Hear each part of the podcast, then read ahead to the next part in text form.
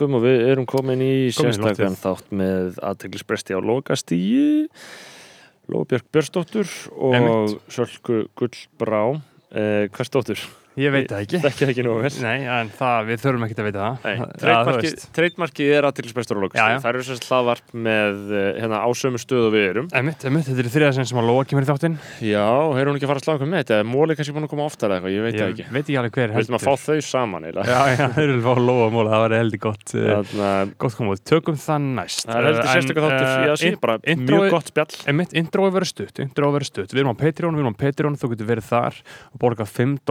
þeir eru að fá Lóa og Móla, það var heldur gott Þarna, Gott koma út, tökum það næst Það heldur En, sérstaklega þáttur í að síðan bara intro- mjög gott spjall Einmitt, intro verður stutt, intro verður stutt Við erum á Patreon, við erum á Patreon, þú getur verið þar og borgað 5 dólar á mánuði fyrir auka þátt á hvern, hvern einasta þriðudag alltaf, alltaf þriðudag kemur þáttur þangað inn sem getur borgað 10 dólara og hlustað á þennan þátt fyrr. Til dæmis hann kemur inn núna á mánudagskvöldi Mhm. í staðin fyrir að hann komi inn á föstu degi eins og fyrir alla.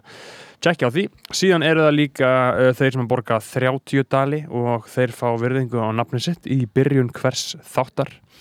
Og það eru þau Andrea Diljá Edvinsdóttir Andrés Ari Helgason Arnór Hafstensson Benedikt Bjarnason Björgvin Helgi Björgvin Ívar Baldursson Brynjar Guðmundsson Erik Olaf Eriksson. Geoffrey Huntington Williams King, Hjörtur Páll Hjartar King, Halfdán Sveinsson tónlistamæðurinn Dirb King. Það eru Júl Dúnotin, það er víst tónlistamæður þannig að tónlistamæðurinn Júl Dúnotin Jóhannes Haugur Jóhannesson Sturla Snorrason Svafa Sigurðardóttir Tank City það er gott? Tindur Kárasson X Nonni X Úlfur Árnason. King. Og síðan er það Tandri Snær Traustason sá mikli king sem að borgar okkur 100 dali á mánuði. Uh, mikil verðingu hann, hann hefur verið í styrkjakongabaráttu uh, Stefán Daði er komin upp í 100 dali á mánuði líka. Hann, er, Ok. hann er að vinna sér hægt og rólega upp. Sá mikli Athyglisvert. mistari sá mikli konungur. Uh, Sindri Kampan, hann er í 105 dólarum á mánuði sá mikli king Þessi menn er að halda upp í íslensku fjölmjölum með Já, já, þessu. þeir eru að því, þeir bara því líkir mestarar sem þessi menn eru en síðan er það Tumi B Tumi, það er bara Tumi en, Stóri Gonzo. Já, en þetta er víst Gonzo Tumi, Tumi Gonzo sem er styrkikongur þessar hlaðvarps og hann borgar okkur 170 dollara á mánuði uh, Tumi, ég meina, hvað vill hann sér sagt um sig? Hann Nei, nei, eitthvað samband eftir hann, síðast já, hann vildi bara styrkja okkur almennilega bara Já. að aðna, uh, bara í raun og veru gefa af sér tilbaka til samfélagsins og svo kemur hann alltaf þáttinn Já, uh, ég er spennt fyrir því þannig að það er bara mjög góð veisla Tumi, aðna, Já. góða ferð á ísbílum og Einmitt. hlustendur njótið þáttarins með Lóu og Sölku Takk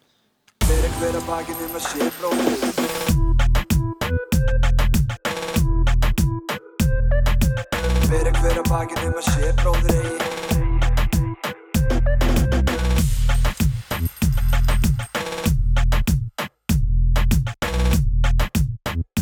Ég man ekki hvað við vorum en við erum búin að laga græjurnar hérna og við erum líka búin að redda svona Let's go, þetta er uppáldum mitt. fögnuðar dæmi, ég veit ekki Þessi alveg minn.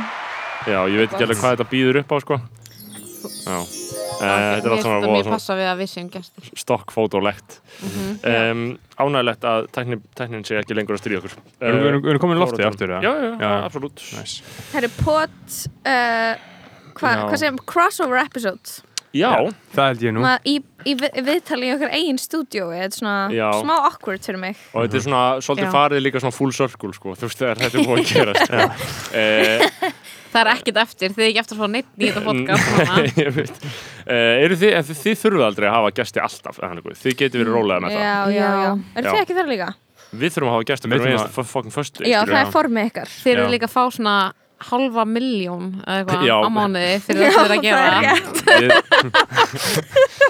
við, við, við fáum uh, við, við fáum að, svona, alls ekki hálfmánaðlega launamann en þetta er sem orðið orði, orði, allt í læg En að miljónu mánuðalinn Hvað meður Eh, Já, já, Hálf miljónum miljón, hálf mánuðalinn Nei, þetta er ekki hálf miljón sko, þetta nær, nær alls ekki upp í það sko. Í alveg næstu, í dilti Já, 2 Já, Já, en, síðan í tvo, skilur Já, Já, Eh, og fólki finnst það mjög mikið skilur en það er náttúrulega, þú veist, eins og þið vitið þetta er uh, vinna. það er þrótt að dæmi að mæta þetta mánudagskvöldi og fara að taka í þátt, skilur Mhm. Ég er svona aðalega í þættinum kvöld til að reyna að stela Patrons af ykkur. Já, Já. ég náttúrulega hvet Sko, Eða er ég- ykkur mínir- kona sem er Patreon ykkur og ekki okkur? Já, já, þá væri það mjög undarlegt. Mér finnst Það mjög bara horfði í eðlilegt speil En mér finnst þetta ekki vera þannig sko að skilur einn áskrifandi fyrir ykkur er mínus fyrir okkur eða öfugt, vegna þess að þetta er miklu meira bara þannig að fólk venji sig á það að vera Patreon neytendur, almennt Ég, í, stóra ég, ég er saminu. Patreon hjá ykkur Já, er það. Já, einmitt ég hef verið að huglega það. Já.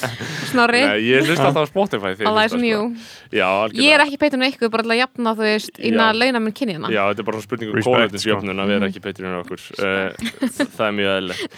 Um, En við þurfum að ræða í mig slettið ekki? Er það ekki punkturinn með því að vera hérna? Jú, ég held það sko. Hvað, kannski grafa stríðsöksuna En Já. Ég var Er strísáksi? Já, Ég, ég var með Lóa er Já, búin að hún er, hún er í- fyrir í- ofan ég þar Já, svona Já. í, í, ímynduðu stríði við Já, okkur ég fíla, kannski, ég, þú það, veist- það verður að vera ykkur átök annars virkar ekki, virkar ekki fjölmjölun. Fjölmjölun snýst bara um átök Þetta Ég á snýst svona bara erfna að um- velja hvort er þú ekki ofan á podcastið okkar þú veist, Mm. þið eða, eða Harmageddon Já, Nei, það er eiginkonur eiginkonur Eh, Það er okkar ræval podcast. Já, er það ekki Jú. 100%? Já, það er rétt. Jú, því miður. Þarna uh, Be- Og Becky Ólafs er okkar. Já, Beggi Ólafsvi Já. Ég veit ekki Það alveg var hver væri einn okkar. annar en ég ætla ekki að segja Já, hver já Sölvi, Mér- nei, mér- mér- mér finnst Sölvi aldrei vera okkar Nei, ræval mér, sko. mér, mér fannst það mjög fyndið þarna, uh, vinnu minn uh, sagði að hann fekk svo mikið þarna, auka podcast tíma eftir að, eftir að Sölvi var cancelled. Eftir að Sölvi var hættur. Þá er hann þarna, uppgötaðan ykkar podcast. Já. Já, og byrja að hlusta ykkur. Hann Já. pivvotaði frá Sölva yfir í Já. okkur. Þannig að þið eru að fá Er þær eða? Mhm. Er Mér finnst það mjög gott. Við getum, við getum radikalisera Nei, Sölvi var ekkert Var hann með eitthvað slæm teik? um, Nei, hann var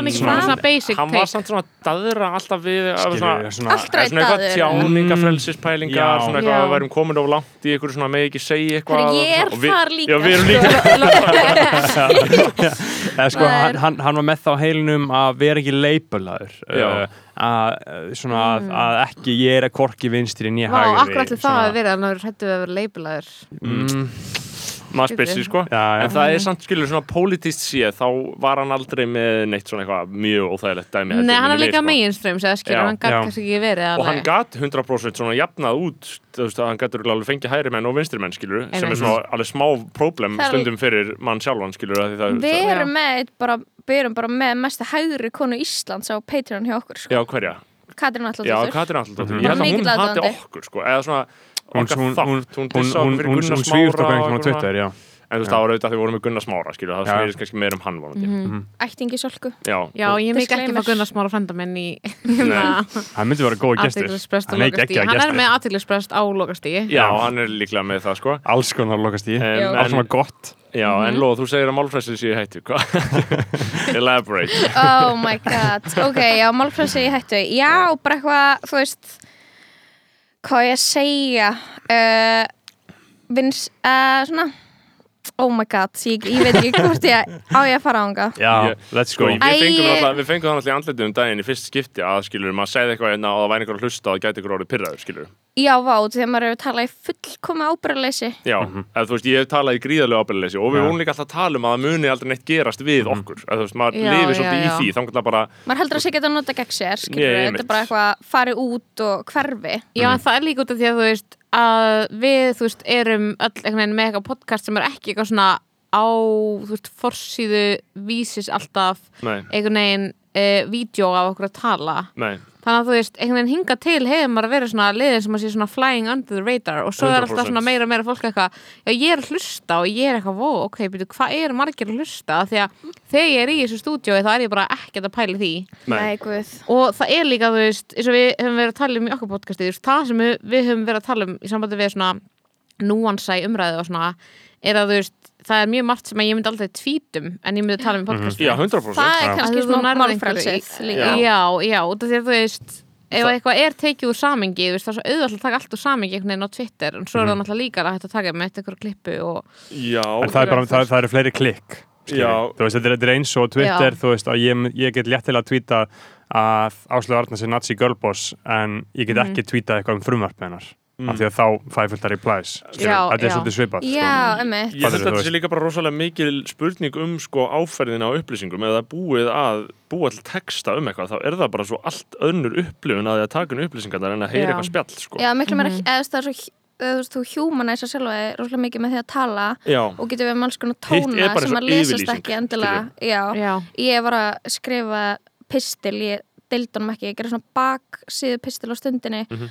Og þú veist, ég sett hann ekki á samfélagsmiðla og til að ég nefndi ekki að fá eitthvað sem að tekur 300 ára pistil og bara öllum pælingunum þar sem þú veist það er satýra líka í honum eða Mhm. Já, skilur einmitt. það, ég er líka Tekur hann á bara kótur í tvítar og segir hann að já, sitja lægi segi bara eitthvað, þú veist ég stiði bara eyðingu Amazons Já. skórins eða eitthvað skilur út því að ég er eitthvað að tala um Oatly Oatly sem ég eigi eitthvað fyrirtæki sem að eða fjárfestingasjóðs sem að á líka, er líka eitthvað, þetta er Jú, natsið Jú, einmitt skilur um, Mm. en þetta, er haframjól. Já, Þetta maður er- er haldið að vera skárra og Þetta ég þetta trúi sem- alveg ennþá sko. þetta er sem ég bara einhverju hergagna framleiðendur eða ekki? Þetta er svona alveg ívul fyrirtæki. Ég hef allan að heyrta eitthvað að þetta sé eitthvað svona smá Coca-Cola vegferð bara ótli í dæmið. En já, einmitt, ó, smá upplýsingóri. En ég maður um en maður er líka bara eitthvað með iPhone skilur og maður er í Coke stúdíónu skilur Já, ég meina, ég, erum við ekki ennþá bara við þurfum bara að chilla skilur Já, já, erum við ekki bara klassiku línu að, að það sé ekkert ethical consumption undir kapitalisman Jú, er, er ekki einhver leiti, er er ekki bara búin að fara hring og farið aftur að Ég er þar sko, ég tók Mhm. Svona alltaf grimt svona tímabili alltaf í það sem ég, ég borðaði bara eitthvað hörfræ já, og veist, og gekk í einhverjum ógíslum lörfum. Svo var ég eitthvað ekki lengur námsmaður. Mhm. og eitthvað, herri, lífið mitt þarf ekki að sökka alveg svona mikið.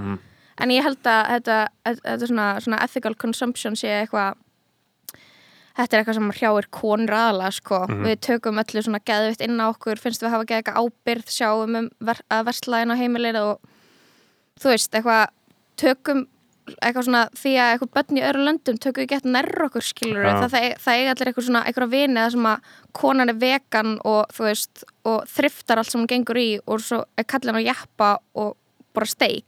Og það er bara er bara kannan nulla út allt já, sem hún gerir. nullar út allt þú veist, og hún en, flokkar og endurvinnur og hann setur allt í, í, í svarta pókan og, og, hendur í út á götu skilur al alveg sama.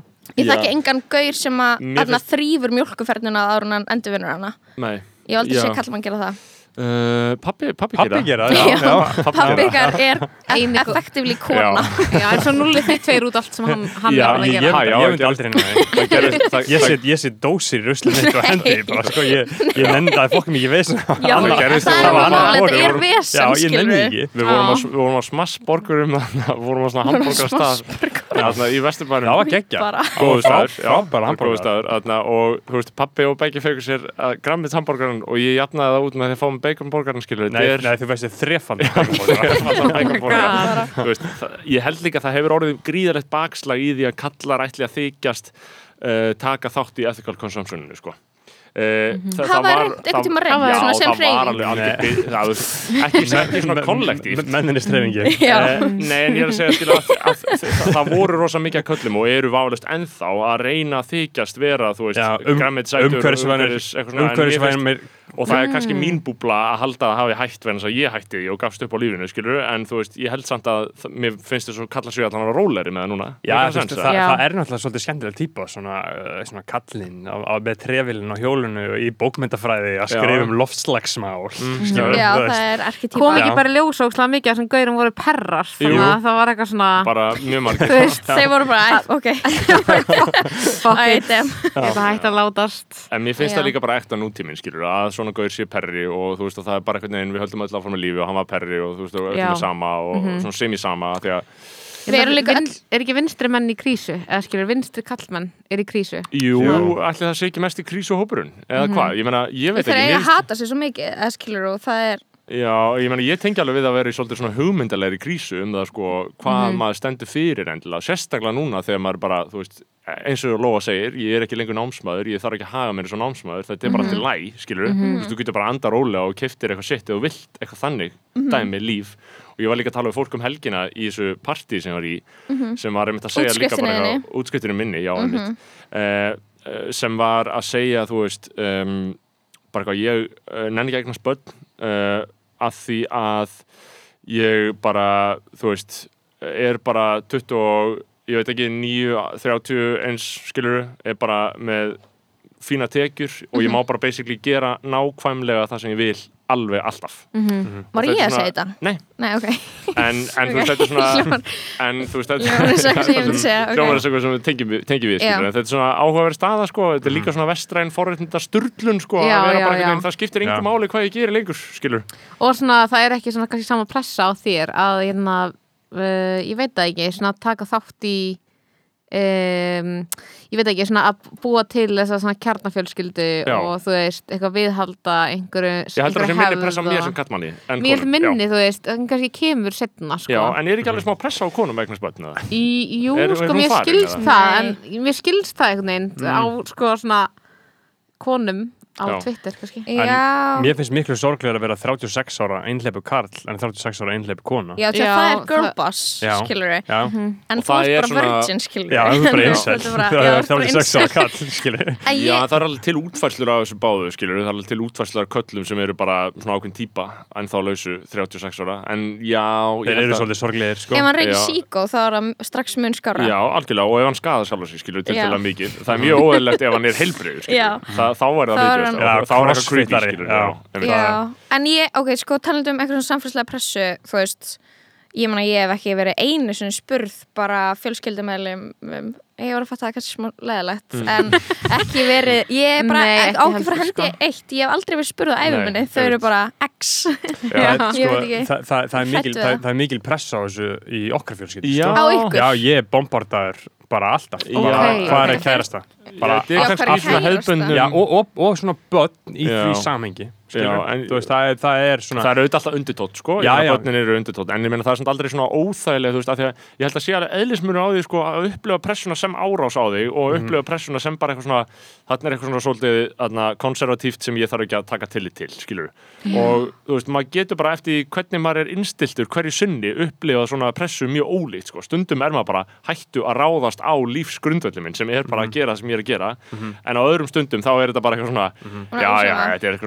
þá er þetta bara eitthvað svona Mhm. já, búmerar, skilur uh, en kannski pressan svona meira fólkin í því að þú svona sér þetta gerast í kringu þig rosalega mikið á Íslandi Mm. þú veist að meðan að ég fyrir Berlín og þá þú veist, þekkti ég fullt af fertugum konum sem átt ekki börn og voru bara þú veist, bara living, skilur Já. og það var einhvern veginn svona meiri svona þú veist, meira svona sýnilegt í samfélaginu. Bara þú, þú veist, og var enginn að pæla í að því að fjölskyldan býr ekki endilega, þú veist, öll á sama stað þú veist, það er ekki einhvern Nei, veginn mitt, þú veist, þessi svona stemning og þú veist, þekkir ekki alla hitta alla alltaf í veislum. hitta alla alltaf sem þú þekkir einhvern veginn á sama aldrei, þú veist, til að sé meira einhvern veginn þannig og þú veist eitthvað svona miklu meðvitað um allir í kringu þig sem er eitthvað að stopna fjölskyldu meðan getur bó- meira valið er annars veginn hvaða búblið þú ert í, sko. Já, bókstala alla vinkonum mínar hafa eignast barn eða barn á leiðinni. Já, Mhm. já, er það ekki orðið þannig? Jú, alveg bara, ég er að tala um bara hver einu einasta, sko. Já, e, finnst ykkur trúverðugt e, að því að mér, veist, bara mér er stundum a, í, svona, bara veist smá erfitt að finnast það alveg trúverðugt þegar fólk talar um að vilja bara ekki börni við leitt, skilur og, og, Já. þú veist, ég, ég, og Já, það er kannski alveg, einmitt. jú, jú, bara trúverðugt að því leita að ég trúi fólki alveg svo sem þegar segja það, en skilur svona Heldur að en hljóta bara að vera eitthvað hugmyndafræðina baka, ég, mér finnst þið, mér er fundist þetta megasens, hvað finnst ykkur um það, er þetta sko, trúverðugt? mér finnst stundum við að vera svona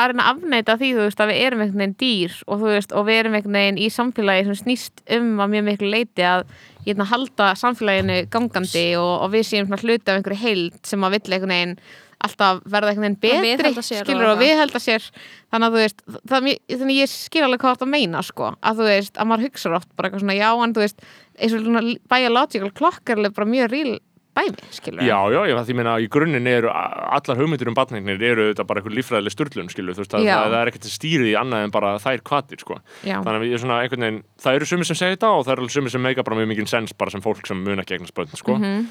En aðri svona, sem að svona, já, ég veit ekki um það. Um, en ég meina, þú veist, veist, með ég- hvað er næs að eiga ekki börn, með hvað er pyrrandi að eiga börn, skilur, það er mjög næs að eiga ekki börn, skilur. veist, ég, al- alveg, þú veist, ég er náttúrulega á barn sem Já. ég bara elska meira en allt, skilur en þú veist, stundum er ég bara eitthvað, vá, veist það hefði líka alveg verið næs ef ég hefði ekki viljað eignast börn, eða skilur, Mhm, já. ef að það væri ekki Já. einhver þrá í lífnum mínu, alveg svo það væri alveg næs ég hefði ekki neitt metnað og ég væri Mhm. Bara eitthvað þú veist, gett sátt við að vera bara eða skilur, oft horfi ég á fólk sem er með eitthvað aðra þarfir en ég, skilur, og hugsa bara eitthvað, væri gett næs og ég hefði ekki þörf til að bara eitthvað þú veist, bara eitthvað eiga flott föt eða Já. þú veist, eitthvað ná árangri í því sem ég geri skilur einmitt. Þa, það, þetta er allt sama dótið af því að þú veist, lífið mitt, skilur ég er ekki með neina ábyrð atvinnulega séð eða fjölskyldu eða félagslega séð, skilur ég þarf ekki að gera neitt, skilur lífið mitt er bara ég vakna hverjum degi og bara En finnst þér að hafa gespa og tegja mig, skilur Já. og síðan segja hvað ég geri, en lífið mitt er samt ömulegt eða, skilur ég, það veist. Já, af því Já. að erum, já, þú veist, við eigum einhvern veginn að hafa einhverja þarfir til þess að ná lengra Já, að Já. dræf En mér finnst þess að þú ert þú ekki búin að finna eitthvað svona hugmyndafræði sem að bakkar upp að þetta sé lægi eitthvað svona, eitthvað svona núvitund og vera eitthvað ég, eitthvað svona ný, ég skipti engu máli, ekki sem ég skipti máli ekki sem ég gera skipti máli og þess vegna geti verið sáttur án alls, eitthvað svona úta væp, skilur og ég kóla smá búlsitt á það, sko að Já, það ekki, sé, ekki, ekki beint, sko, þú veist, ég með, þú veist, rosalega mikla drauma og markmið, Já, skilur ég tek- ég, ég- ég, Já, ég, já, ég, já. ég, ég er það ekki gamalt að beggi Já, hugsi ég, svona ég, sko. ég, ég er ekki að tala um það sko. ég, ég er meira bara að tala um sko, að þú veist að ég þarf aldrei að gera neitt skilur Já, það, það, það, það, það, það er engin, já, bara ábyrðleysi það er engin sem neyði mig til að gera neitt Ertu yngstur? miðunni, Já, Miðinni. en það er sko, Já, ég er basically yngstur. En sko ég en ég er bara að segja að lífið getur verið alveg ömulegt þannig og með þrjú börn og ábyrð og, og, og geð, geð mikið Algjörlega. maður verður bara alltaf vonsvíkina Já, ég meina bara Já, er það ekki erfitt. kannski bara flott? Ég meina, eða svona vonsvíkin slash bara fítna á því, skilur ég það ekki held, bara ég, punkturinn? ég held eftir sko fimm ára sálfræði meðferð Já, svona tvæ, tvær hvað ertu búin með mörg ár? uh, eitt og hálft Já, ok. uh, ég held samt að hljótar að hitt eitthvað þak þar, sko, þú getur ekki bara farið alveg endalaust, þetta er ekkert eins og bara eitthvað svona takmarka ég, víma, Jú, ég, ég hef verið að tala við hann um þetta. Hún segir, þú heldur áfram í lífinu og þú lendir í einhverju og þetta þróast alltaf áfram Mm. þú veist, ég spurði hann svona, ok, hvað getum við gert núna? Skilur, Mhm. hvað er næst, skilur, let's go fattur, hvað er að gera núna? Og hún segir bara, við getum, þetta virkar ekki hann skilur, þú þarft að lifa lífinu og lenda á einhverju svona vesinni, bara svona, oh shit, hérna mann svolítið kallaður, skilur, Já, já. og síðan getur maður lest úr því, veist, ég get ekki komið með checklista, heyrðu, ætlum að klára þetta, þetta, þetta, þetta, þetta, þetta. Já, til maður veit ekki veist. hvað er hrjási Já, alltaf, ma- ma- maður veit ekki, maður þarf að lendi í því til þess að í rauninni vita, en ég meina ég held að maður geti alveg verið sáttur í eigin skinni, sko, eftir fimm ár Það er hægt að vera. Já. e, e, e, þe- þekkið einhvern sem er það? Hamingjusamur Já, Nei, ekki marga. Þeir eru flesti, smá körst sko, Já. fólk sem virðist vera það sko. já, fólk sem að lígur eitthvað svona, Mm. eitthvað svona an- andlegt og allt rætlið, ég trú ekki að þau sé Ég, hamingjusöm, ég, sko ég er ekkert frá því að fólk hérna árið 1930 hafi verið tölvöld ferskar á því í stæðan fyrir allar þessar Ef, ef, ef þú varst ríkur, kannski, hver, að En kannski hérna. hamingja skiptir kannski minna máli þá veist. Hamingja kannski Já, við erum með þetta á heilanum, Þessi hamingju þrá kannski er svona alveg líkaleg nýja nálinni sko. Já, Já. það er nefnilega mjög góð punktur sko. ég, það, það er, þetta er menninga fyrirbæri að vera með hamingin á heilan sko. mm veist, það er eins og hún- eins hún sé sko, stuðull og það er raun og veru þú veist, að því að við tölum um veist, það er alveg viðkent að það sé svona raung klísja peningar skipti máli en á sama tíma, þú veist, fólk veira sér ekkert við að segja, sko, þú veist, það er ekki peningar sem skipta máli, það er bara hamingjar sem skipti máli og þá ertu líka svona reinforsa ákvæmna hugmyndir um að Já. hamingjan sé svona bara eitthvað það sem allir eiga að stefna að, skilur en það þurfa ekkert allir að vera hamingjusamir endilega og bara hvað Ok. er það yfirleitt, skilur hvað við þú veist, að dýbanka smá hamingju áráttuna að einhver leiti, eða það er náttúrulega kannski þunglitislegasti hlutur í heiminum Nei, það en að þú veist, það er líka bara eins og að tala um badneignir, skilur það er bara ógeðslega erfitt að eiga badn, skilur og en við erum alltaf að reinforsa einhver svona hugmyndum og það sé hamingjan, skilur er það að vera í kjarnafjölskyldu og eiga börn og, og líka þú veist þau sem eiga ekki börn að, það, að þeir þá vant eitthvað skilur í lífinu að þá verður þeir hamingi sem síðan áttu barn og þá ertu bara eitthvað vá, þá að vera líka þreyttur og Já, og þú veist, er- það ertu bara eitthvað, veist, það er alltaf bara þjáning, skilur Já, en, en síðan líka náttúrulega með eins og það, þær pælingar eins og með kjarnafjölskyldu dæmið, skilur og þú veist og við getum verið krítísk á það einn daginn, eða svona einn dag eða næsta og svona bara eitthvað veldi ekkert sérstæðlega mikið fyrir okkur, við vorum með þess að tala um að þegar við vorum með um, kilvuna hérna í þættinum þar sem hún talaði mjög aðna, ákveðið gegn uh, kjarnafjölskyldu pælingunni þó hún reynda sér þáttakandi sjálfur í slíku minstri Já. uh, þú veist, það er svo tákrænt um það sko, hvað svo umræða er alltaf banala á endanum, þú veist, það maður bara endar alltaf út í einhverjum skurði þar sem að er, þú veist, ok, jú, við getum gaggrínt pælinguna en það er samt alltaf eitthvað sem er bara að fara að vera nákvæmlega eins, held ég Já, já, já. Uh, Já, gauður, allt eitthvað svona fjölkvæni opið samband, það er eitthvað bara, mikið cringe. það er eitthvað ógæslegt við þetta sko. það er eitthvað en- ógæslegt við þetta Það sko. er bara cringe, Já, skilur við, hvað já. er að reyna hérna, skilur þú við veist, það er, já, einmitt Mm. Já, því að þú getur ekki fengið kök, eða, þú veist, átt kökuna og borða hana. Það er svolítið mikið það, þú getur ekki verið bæði á lausu og í sambandi. en er þetta ekki bara brjálæðist svona innfullt afgriðsla á þessu dæmi, skilur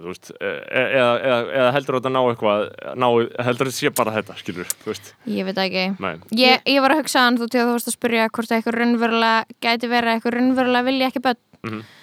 og ég þú veist, ég hugsa það þegar fólk segir að það ætla ekki að eignast börn og- af loftslags ástæðum það er náttúrulega þá hugsa ég bara, nei Já. það, þú veist, þetta er of abstrakt vandi fyrir Mhm. okkur til þess að við séum tilbúin að raunverulega gefa eitthvað upp á bátinn Mhm. og það er, að, þú veist, það er óslega mikið það kemur að því að þú veist ákveða að vera vegan af loftslags ástæðum eða ákveða að gera hitt og þetta Mm. að vera á Tesla eða skilur það er alltaf bara ímyndin sem skiptiði máli og hvað þú ert flottur í Tesla það er ekki út af því að það er í alvörun eitthvað umhverfisvætni kostur og sama með veganisma skilur þetta er bara Já.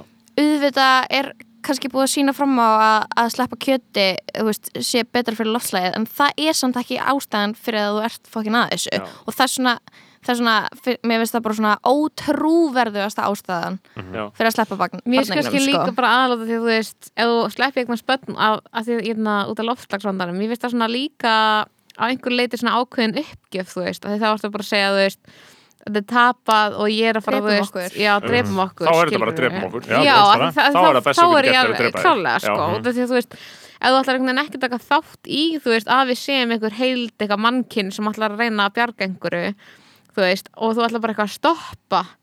Bara, þú Það er veist, það við, já, þá er það einhvern veginn sem, ég finnst það að ég hugsa alveg um þetta, sko, þú veist, Já. það var alltaf mjög mikið svona loftlagsumræða, sko, þegar ég var ólétt og svona, og þú veist, Já.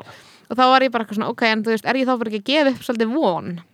Þú veist, um að við getum einhvern veginn lifa af, að, því- að því að loftslagsumræða snýst um að við viljum lifa af. Og því að þú veist, hún snýst bara um það jörðin hérna, mannkynnið lifir af, eða þú veist, þó að hérna, jörðin og þetta lífríki leggist í rúst Já. Þú veist, það skiptir jörðina sem plánuð einhver máli, það skiptir bara okkur máli Já, nákvæmlega, þetta verður alltaf svona, þú veist, svona androcentrist, þú veist, þú ert alltaf að hugsa um mannin í þessu, þú veist, þannig, og þannig að sá hugsunarháttur er líka, skilur, problematískur einhver leiti, sko, Já. að láta svo maðurinn sé að það, er- það eina skiptir máli Já, líka. það er það sem við erum að reyna að bjarga sko, út af því að þú veist, ég, ég, na, dýrum er í raun alveg saman þó þetta degi út, skilur, Já. okkur er bara ekki saman En það sem ég hugsa líka í þessu er til mis að því að það kemur alveg smá óvart til mis að þú segir þetta lóa til mis með að þetta sé allt bara uh, spurning um bara það sem bara minn ágæti maður Sigmundur Davíð segir, bara síndamennsku þú veist, það er bara, þetta er ro, það er rosalega mikil síndamennska í gangi þú veist, Já, og, og þú en, en, en það, það er ekki kannski, mér finnst það kannski of stert til orða að tekja að segja þetta sé síndamennska heldur, er þetta spurning um En þetta er líka gagvart sjálfur Já, já, hvað, og- hvað þú ert að segja sjálfur Já, um þú ert að þig. segja Já. þetta er bara spurning um ímyndasköpun og, Já, já. þú Veist, og það, að því ég man bara þegar ég var á þú veist, að ég, var, ég bara er bara það satt svo mikið í mér og ég, ég við rættum að hérna í árdaga skoðanum bara, þá var ég alltaf að tala eitthvað gegn veganisma eitthvað á þessum nótum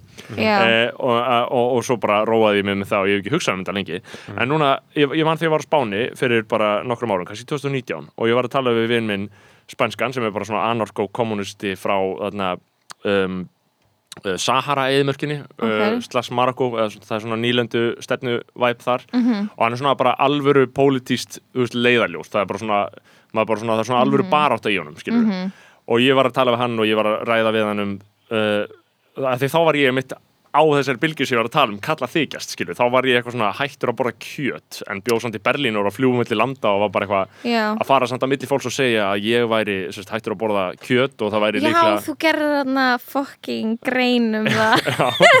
Gerði Oh my algjör að greinu það. Þarna, Ok, ég ba- þegar það þú fórst okkur sjávarmast Hvað hva Nei.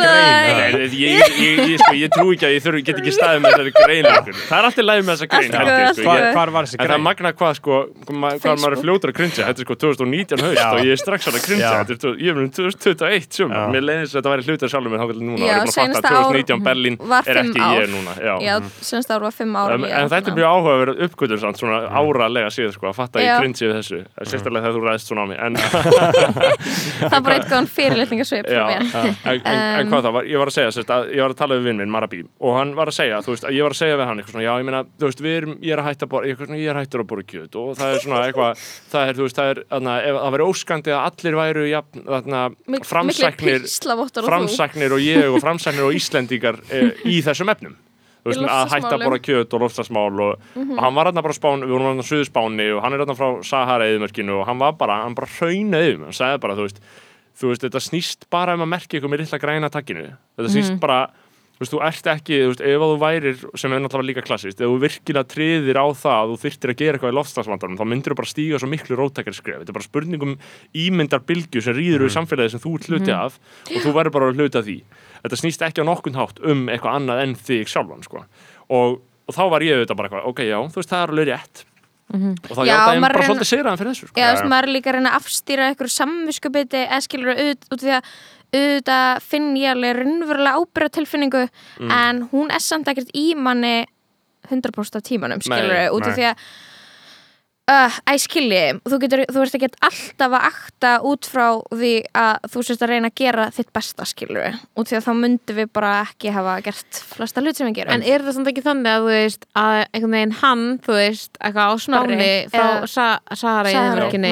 að þú veist, eitthvað hægt að bora kjöt svona hefur ekki alveg söm þýðingu og þú einhver Íslendingur eða einhver gaur í Berlín hægt að bora kjöt út af því að þú veist, við búum í mjög ólíkum heimi og við erum ólík ólíka struggles ólíka líka. struggles, ólíka stöðu ólíka stöðu í heiminum Mhm. þú veist þess að þú að hægt að borða eitthvað kjöt sem er eitthvað innflutt frá bleble skilur eða Nákvæmlega. þú veist eitthvað hérna er ekki alveg sama á eitthvað þess að ég fótt til Grænlands eftir ég var græmið þetta og ég borðaði kjöt sem að mér var bóðið og því ég ætla ekki að koma til Grænlands og vera eitthvað þig grænlendingar sem eru eitthvað að veiða bara skilur á herra, með skilurðu. umhverf bara umhverfisvænasta skilur leið til þess að borða kjöt í heiminum er það að fer eitthvað maður og ína, rotar eitthvað hann. sel skilur og ég horfði á hann fláan og var hann eldaði fyrir mér ég er að fara að segja bara nei takk eitthvað, það er eitthvað stríðir gegn eitthvað þú ert að eðilegja jörðina því það er ekki hann sem er að gera það heldur ég skilur þú veist, hans leið að borða kjöt er mjög umhverfisvæn með að við mína skilur Já. þannig að þú veist, með að mína staðsetning í heiminum þá er ég svona, svona, kannski svona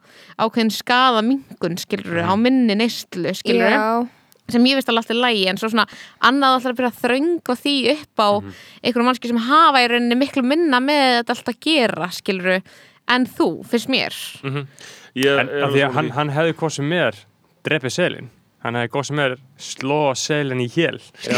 Já, þú veist, hann er náttúrulega hann er náttúrulega að vinna inn í sko allt annað vistkerfi en ég skilur Já. og hann er einhvern veginn þú veist, hans í hérna kólefni spór er bara miklu minna borðandi kjöt en, en mitt skilur að því ég er ekki að veiða þú veist, ég ekki er ég að veiða einhver, einhver dýr sjálf og þú veist þetta er bara svona tala, við erum að ta- tala um að þú veist fokka upp skilur einhver jafna í lífríkinu skilur já er en það ekki það sem við erum að tala um Jú, en þú veist, svo er það líka bara eitthvað maður getur heldur ekki líka alltaf að tekið eitthvað svona veiðimannin sem dæmi til þess að réttla þetta kjötnisluna sína.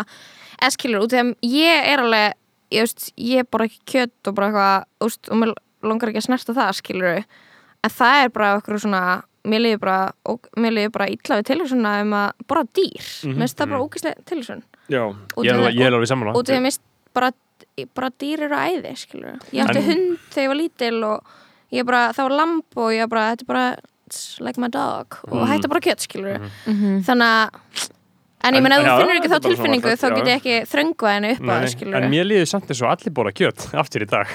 Já. Þú veist, Ég, ég, ég bóra heldur ekki kjöt það er þetta bakslega sem ég hef- tala hef um. svo en, með en, Já. en, en þetta er náttúrulega bara alveg eins og þú veist, ég var að horfa á Ísland Bíóland og þá var Friðrik Þór að tala um uh, Ísland náttúrulega hataði gæðsjúklinga, skiljum þú varst gæðsjúkur og þá varstu bara fucking gæðsjúkur skiljum, þú varst á klepp og þú, varst, þú mistir æruna og bara gast ekki verið með í samfélag mannum síðan kom Einar Alensins út og allir peppuðu gett með gæðsjúkur fólki fundu samúð með því og bara vá, bara það er allt í lagi að vera geðugur og þetta var svolítið svona opnaði umræðuna um þetta og allt var bara ok, þú getur verið geðugur á Íslandi.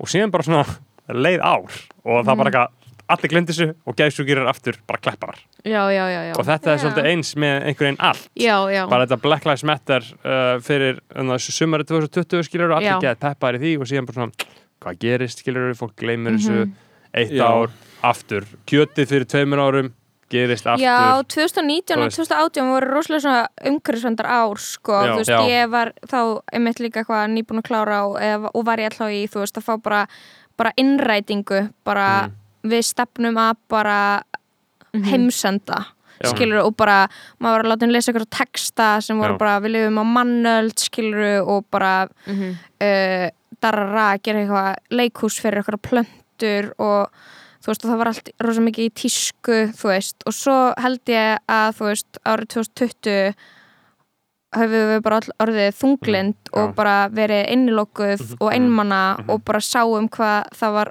ógæslega létt að bara taka öll, allt af okkur.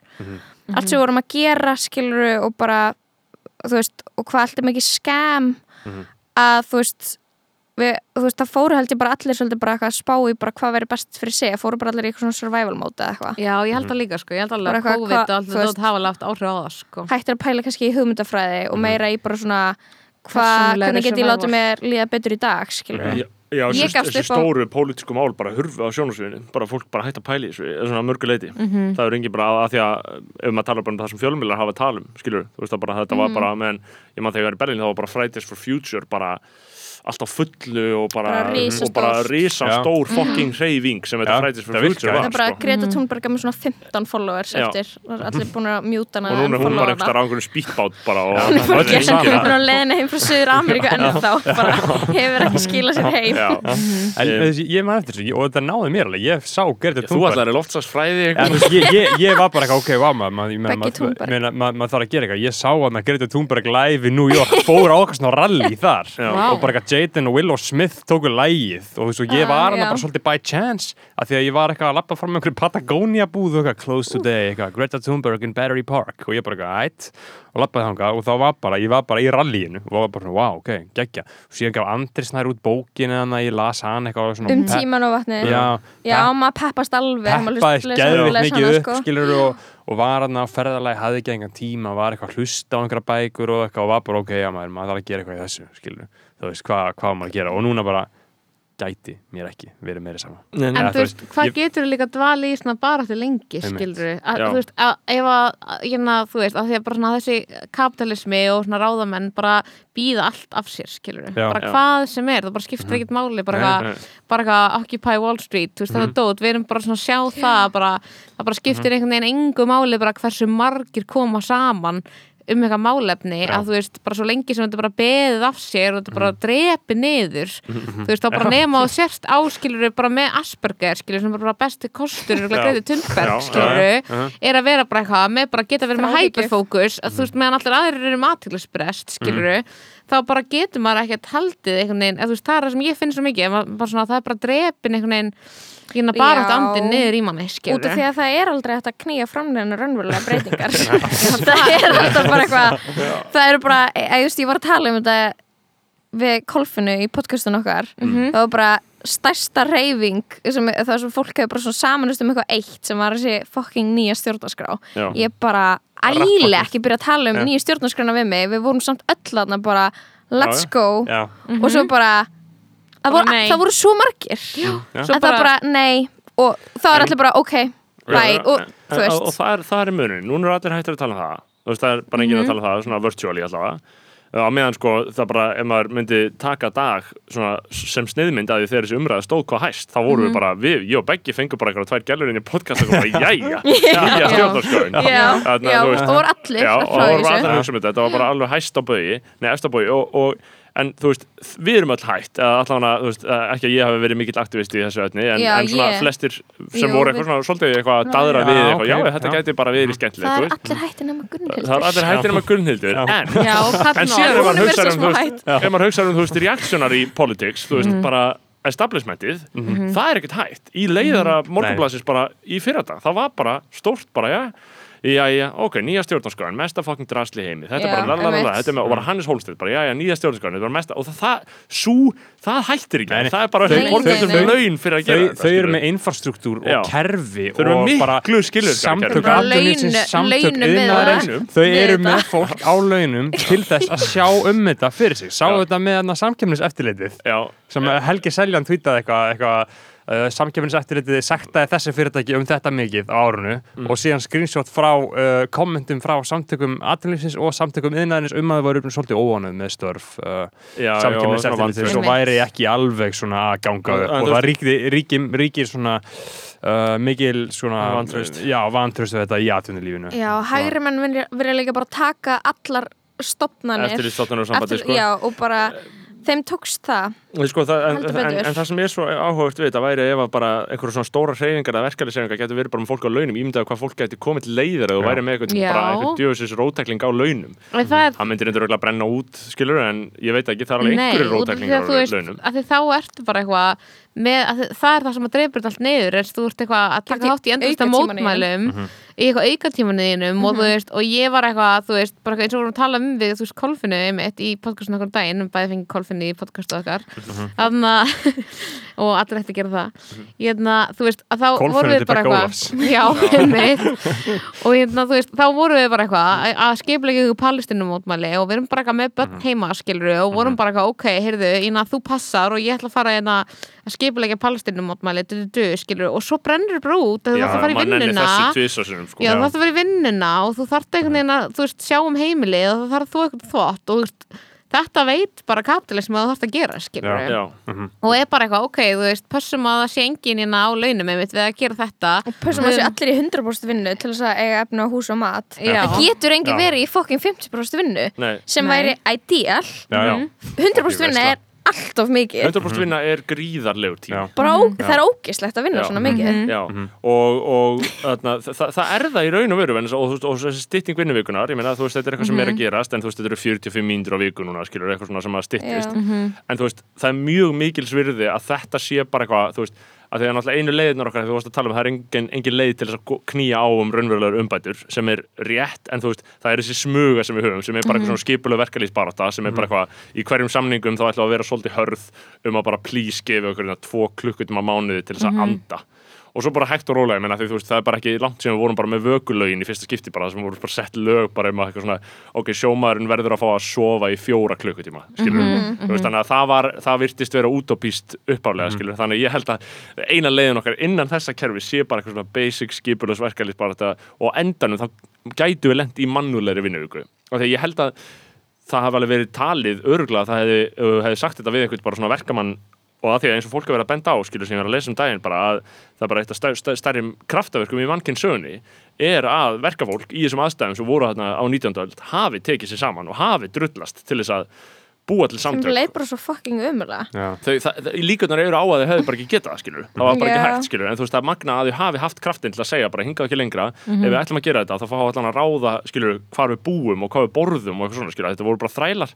En þannig ég bara gasa eins og verkalýsefingar þetta skiptir smá Ég- máli sko. Já, Já, ég meina- bara já, sorry, hvað ætlar að segja Beggi? Ég ætla bara að segja að þú veist, það er hægt, skilur Það var fólk Ok, sem herra jákvæður. eða, skilur, þú veist, það er bara, það var, fjó, það var fólk sem bjó til kerfið, skilur Þetta er náttúrulega bara allt kerfislegt, skilur Saman kúa fólkið. Það var fólk sem bjó kerfið til Þannig að það lítur að vera fólk sem getur breytt í og búið til nýtt kerfi. Já, Já, en þú veist, völdin eru bara svo óslega dreifð að Mhm. jafnvel, þú veist, þú getur meðað á okkur að nokkra skilur en þetta er líka bara hausin á okkur, þú veist, eins og þarna að ég var með eitthvað teik á Twitter um daginn um, vandan um, um ástöðu Já, þú varst cancelled fyrir það. Já, og, þarna, vel. og, og hugsana lauruglan kemur og Viltu bara eitthvað vera að tala um það? Já, og það sem ég var að hugsa er að þú veist Æbjörn, hvað var ég eftir að segja? um, í sambandi við svona kerfislega vanda og hvort maður getur breytt einhverju og hvort eitthvað fólk hafi búið eitthvað til þú og Áslega Arna, þú varst að taka upp hanskan Já, Æ, já, ég er bara að segja að þú veist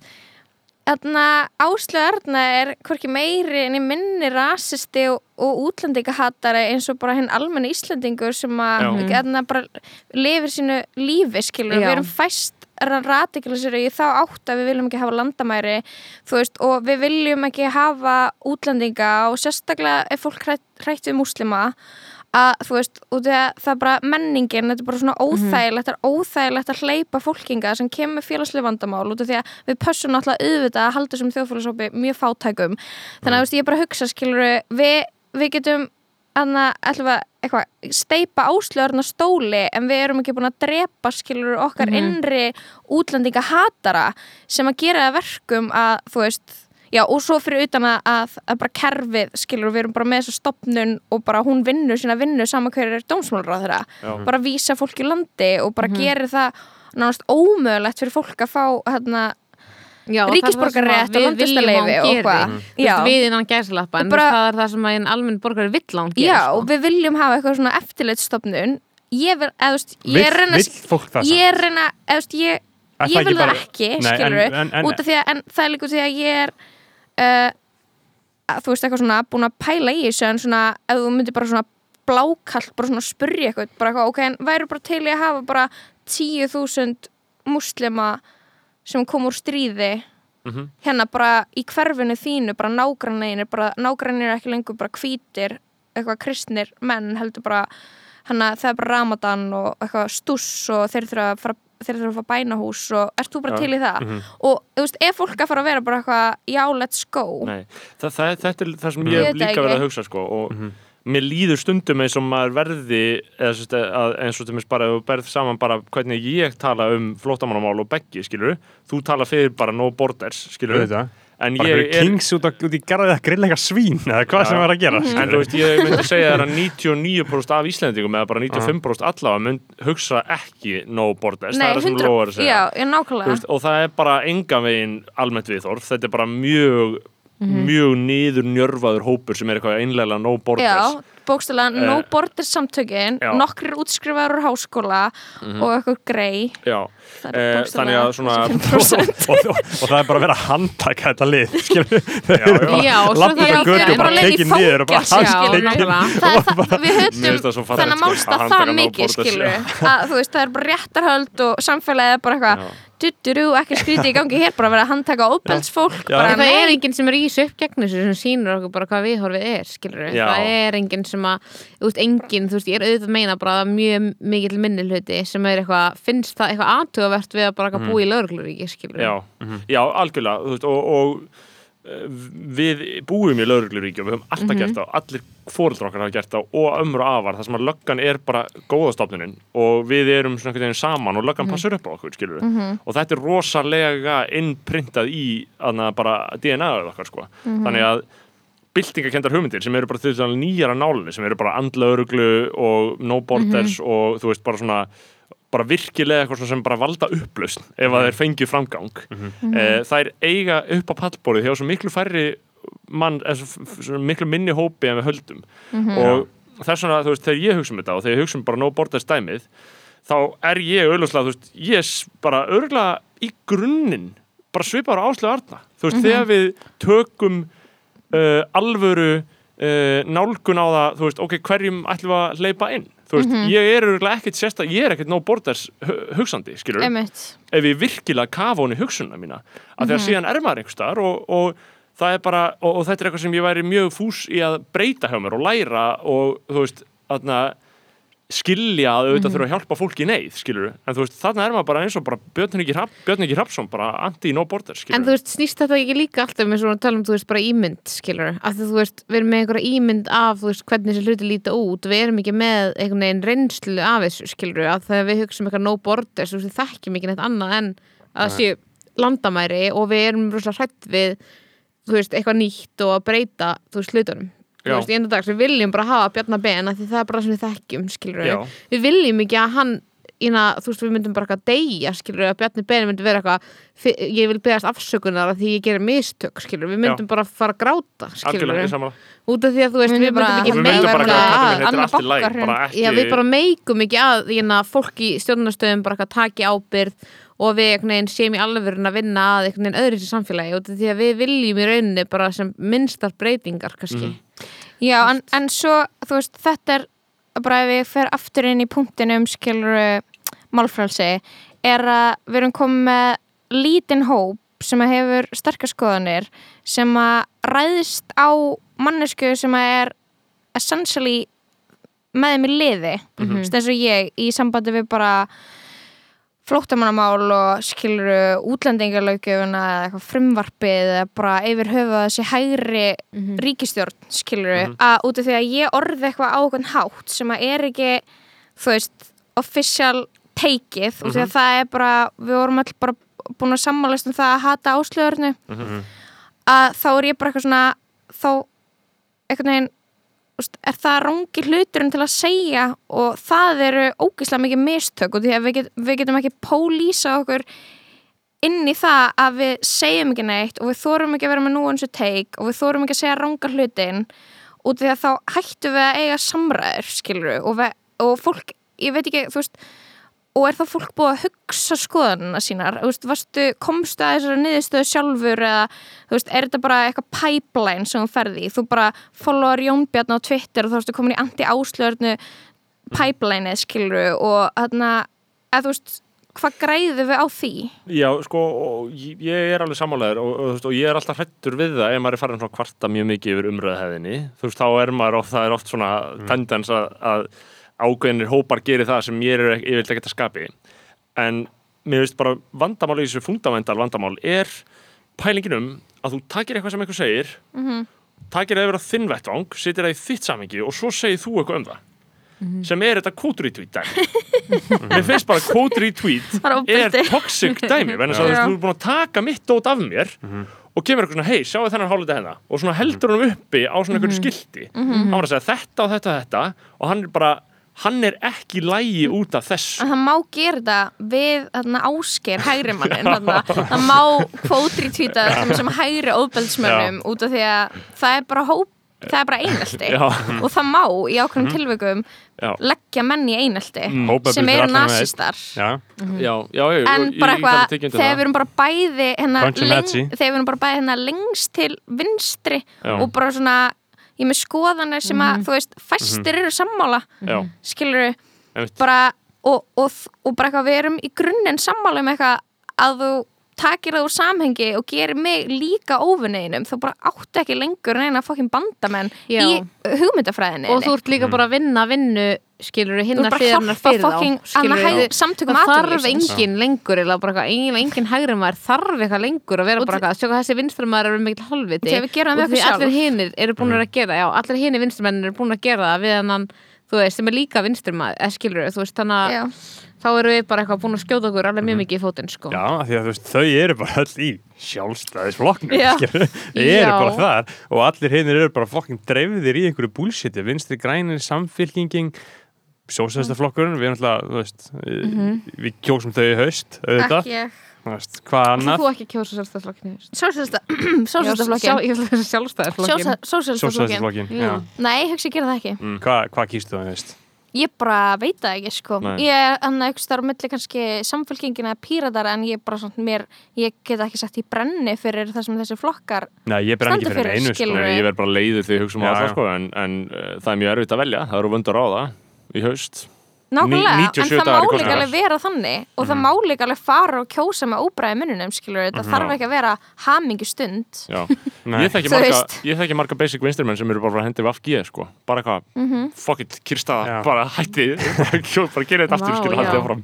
Ég bara get ekki bara, ég bara veit ekki þú veist, alltaf Nei. þegar einhverju vinstir fólk að fara með hægri flokkum í pólitík það þýðir oftast dauði þess flokks. Nei, Kata mun, mun halda forstur á þessar stólum ég er eiginlega uh, valla í vafa um það, jú nema þið takið daginn. Ég veit ekki, En það var svo cool þegar hún var skilur fyrir tíu árum bara eitthvað hækkum örorkubætur eða eitthvað skilur er Og maður eitthvað, let's sem, go. sem, sem Kata var að gera þetta í gamla dag sko, þegar hún var rótaklingur og Hvað kom fyrir hann, hver er ykkar kenning? ég hugsaði mjög mikið sko. byrjaði að ég held að maður geti, þú veist, ég held að maður geti bara Bara eitulif eða, þú veist, hvað er í gangi? Ég veit ekki, ég meina þú veist, ég held að það sé ekkert, þú veist, ég örugglega ekkert eitthvað ráða það vel við það ef að Bjarni Ben myndi segja við mig eitthvað svona, hei, vilt þú koma með mér og bara við stjórnum þessu dæmi, skilur Já, það ég, svo gaman að það er bara, djóka maður er bara eitthvað, já, ég er alveg til að gera þetta með þér, skilur, hann er bara eitthvað king, Já. skilur Við þráum sko líka öll samþykki frá köllum í jakkafötum. Já, það er, við, það er svona djúft í hérna sækíin okkar Já. að sama það- hversu mikið við hötum þá Mhm. og þeir standa fyrir ofbeldi Mhm. og kúun þá er maður eitthvað,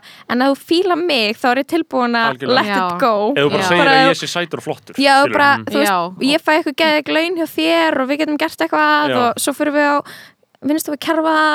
hjá þér og eitthvað. Eitthvað Já, ég er búin að er vera bara bara að bræður og óvinna podcastu og okkar Svo er bara Ef óvilja þið að fá mig. í mig. podcasti Ok, let's go. Já, já, ég, ég, held að, ég held að það sé þú veist, ég held að fólk þú veist, hefur alltaf talað eins og þetta vafki dæmi að þau hafi farið í ríkistöð með sjálfstæðarflokknum eins og það hafi verið bara eitthvað algjört rupture, skilur, bara eitthvað, bara eitthvað massíft, massífu náttúru viðbyrður, skilur, þegar þetta var bara þetta, sko, þetta var bara eitthvað, hei, eigum við að ræða þess, skilur, bara hvort að þið viljið prófa eitthvað, skilur, og þau bara gerðu það, skilur, ég, er það ekki málið, og menna, Þetta er bara eitthvað, og Elon við- Musk að byrja saman, Já, skilur uh, og, og bara fólk Íslendingar, talandi um svona hinn Græns og almenna kata vilja. Jakar er svo, svo við sama ástæði núna sko. Já. Já, svolítið mikið, sko. Hvernig er með Græns og Elon Musk, hvernig samband er það? Skilur, Ég held að það sé bara æði. Já. Ég held og að bara sé bara- ógæslega og að- Já, ég held að það sé bara svona full on bara svona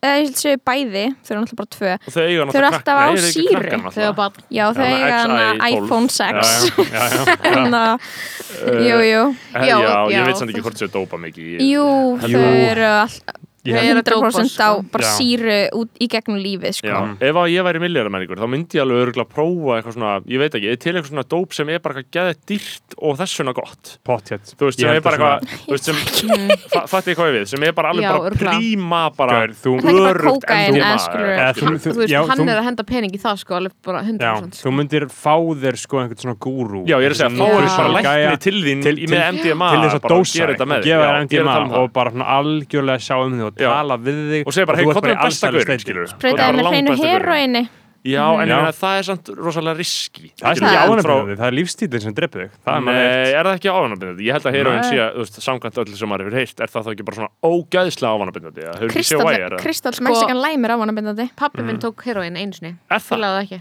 Er það? það bara, uh, ok, en þú Ah. Ok, living En ég held samt alveg Respect Sterkur. En ég meina, þú veist, málið með heroin er náttúrulega líka það að, þú veist, einmitt, ef þú ef þú tekur það einu sinni, þú veist, þá er þetta í raun og veru bara eins og sterkur morfinskamtur, held ég, skilur er það ekki. Ég meina, bara eins og mjög sterkur morfinskamtur þetta er ekkert meira, það er ekkert svona eitthvað þetta fyrir ekkert handan línunar er nokkuð í er sterkur gulu? morf? Hefur þú prófað það? Nei, en ég meina, þú veist, morfinskamtur er bara að þú bara ert bara, það Mhm. bara finnur ekki fyrir sársöku í líkamaninu, skilur, og þetta er bara meira þannig Er þetta ekki euphoria í haustum líka? Svona, Uh, Ég veit Ég held ekki, ekki ég Ég, held ég, ég, ég, ekki. ég held þetta sé bara svona uh, Jú, þú það losnar allan hlýtur að vera það hlýtur að vera að þú Já. sért fáir jákvæðar hugsanir líka. Já, já, já, já. Þú ég, ég held að sko, slökunni líkamannum framkalli það já. af því að þú veist, þú berð allt í maganum maður skilur, þú berð allt í líkamannum maður og þú sleppur Já, á því En ég verði til að vita hvort það er betra svona netto, bara þetta, bara góð sprauta eða bara gott aðna Sanax, skilur ég held Ó, að Ég hef aldrei prófað Sanax, ég veit Nei, ég heldur ekki, ég ætla að er. gera einhvern mann Ég ætla að prófa einhvern mann Ég, Þegar ég fæ tækifæri veit til ekki sko. sko. besta tilfæring sem ég hef upplifað var þegar ég fór í enda ekstra tökku Mhm. og fekk hana sprautuna kærleisis Já, Já. ég var svona í stólum bara, er ó æði. ég er svo hrætt Já. hann eitthvað, og ég og ég að gefa þér sprautu Mhm. og það var fucking epic Er það ekki bara Sanax? eða? um, það? Ég Ég, myndi veit halda- það ekki, þetta var bara það var bara gaman Já, Já. ég held að þegar hann, bara, hann var að rífa tennur hann tók alla í einu. Já. og ég var bara, þetta er svo fucking skemmtilegt þetta er bókstallega skemmtilegast sem ég hef gert það já, kærleisis þú sótti mig að og ég var bara, í Já. hagköp og ég var bara, það er svo Hún var bara- fucking hún- gaman hún hérna var svo blóðuð í kjaftinum sko Já. Já. Já, ég, ég, ég held að þetta sé bara Sanax sko. Já, er eitthvað Oh Já, segja mér mögulega- þetta. Þetta er mögulega eitthvað bensó, sko ég Já. geti bara fengið þetta við þurfum alveg double checka það hvort að Það Já, símanum. ég, ég fekk líka svona mann, ég man að ég pissaði fyrir fram svona, ykkur svona flösku fyrir fram bara gett stórn hópa læknum og að ég var að, veit ekki ef ég mætti velja, Sanax eða heroin, ég myndi örugglega velja heroin sko, af því ég veit að ég myndi það ekki að fara að ánýtast í endilega sko. Mm. Mm. en okkur hefur verið bannað að tala um eitilif í þættinum okkar Já, að við því. ekki tekið að já að við veitum ekki neitt eitthvað að reyna að gatekeepa fucking umræðina Ég er líka alltaf að tala um fíknefni Bara Já. ég Já, ég veit ekki, tekið við erum nein. báðar Ég bara, við veitum ekki neitt um. Nei. Jú, ég veit um áfengi Já, Mhm. Það var einhver að te- Ég var á segja því um helgina. Já, ég var líka að nota það, það var einhver að það er hérna- ömulegasta fíknefni í Nei, það það er er worst. Það var einhverjum að tvíta um það að þurft að normalisera að kalla það fíknefni, þú veist, í öllu samvikið, bara alltaf að segja fíknefni um Já, er eitrunar áhrif- ömulegt að það sé áfengis. aðgengilegasta fíknefnið Já, Mhm. já, það er svolítið sorglegt. En Við það var svo gaman. Við værum betra samfélagi ef gras væri á samastað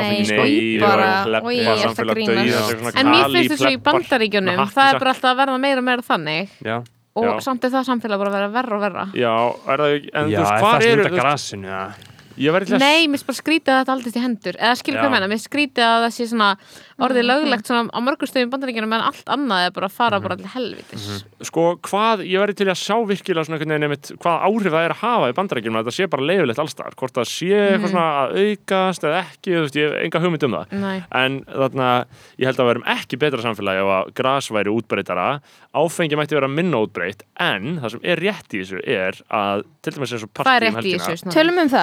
er að það var mjög mikil veistla að nota, að nota áfengi er það ekki? Jú, ég sko, hann að fyrir þetta partí þá var ég, var ég og ég, við erum að fara að koma í þetta podcast og ætla að segja strákunum til syndana Mhm. Þú svo var það gaman hjá okkur og við Já. knúsumst Já, bara vinalegt og, og svo var ég ógislega þunn daginn eftir og Já. ég bara, ég hef ekkert slemt að segja um neitt nú því að ég er mest á ógeð sem finnst það núti, mér langaði að issue a public apology.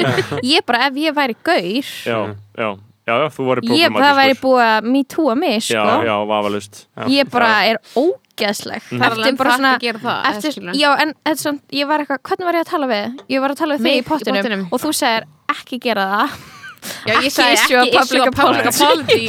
fyrir eitthvað þú eitthvað heldur að þú hafi gert á jamminu. Ég var bara, hvað meinar hvern? Já, ég bara man ekki hvað gerist millir 1 og 3 Mhm. nema þegar ég kem heim þá finn ég síma minn. Heima hjá þér? Já, ég Já. hefði sérst fór að jammi án símans. Mhm. og þarna fyrir að senda ykkur skilaboð. Mhm. Þessu fylgdi ég löng stara.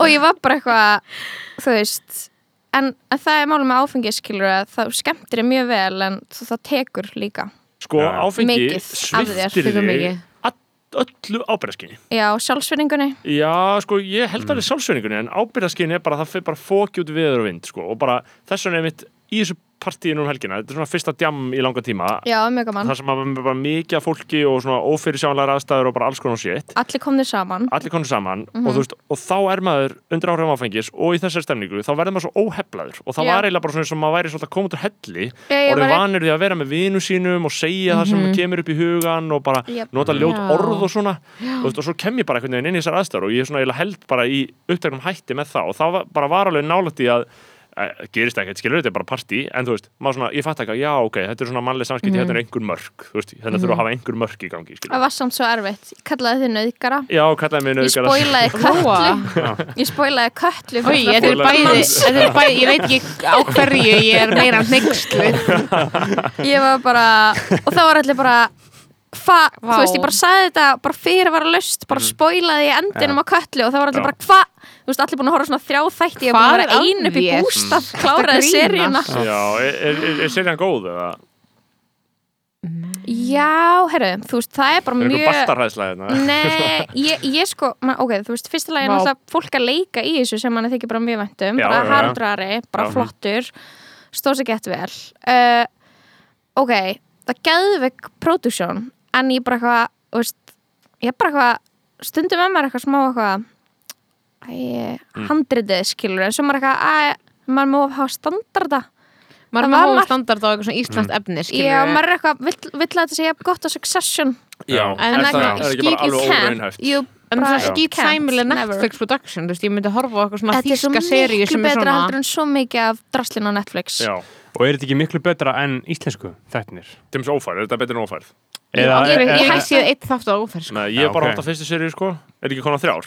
Nei, Tvær, þrið, þriðja á Ég leiðinni ætla að horfa á aðra, aðra þegar þriðið er að Eru koma, þið en- búinir að horfa á köllu? Nei, ég hef ekki byrjað. Ekki neitt. Ég hef bara ekki haft tíma, sko. Mér langar alveg að horfa á þetta, þannig séð. En ég Ég hugsa líka um bara hagræðin áhrif. Þetta er rosalega gott fyrir Ísland, sko. Þetta er massíft fyrir markaðin að, skilur Ói, snorri, hagræn áhrif. Þarna, þú veist, þetta er, þetta er með, með því stærsta sem þú getur gert í landkynningu að bara vera með eitthvað hjúts þátt sem er bara allir að horfa á og svo bara koma allir til Íslands að gefa okkur peninga.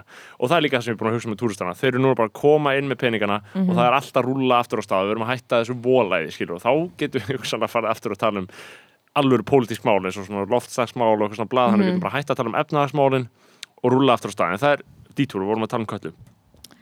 Er eitthvað meira en það að segja? Jú, jú Ég ætlaði bara að tala í mínu podcasti. Já, Það spara the takes? Ég er að spara þið takes. Það er svo, Já. svolítið Ég hef óalgengt verið að að magna sem að færi podcastara að- Já.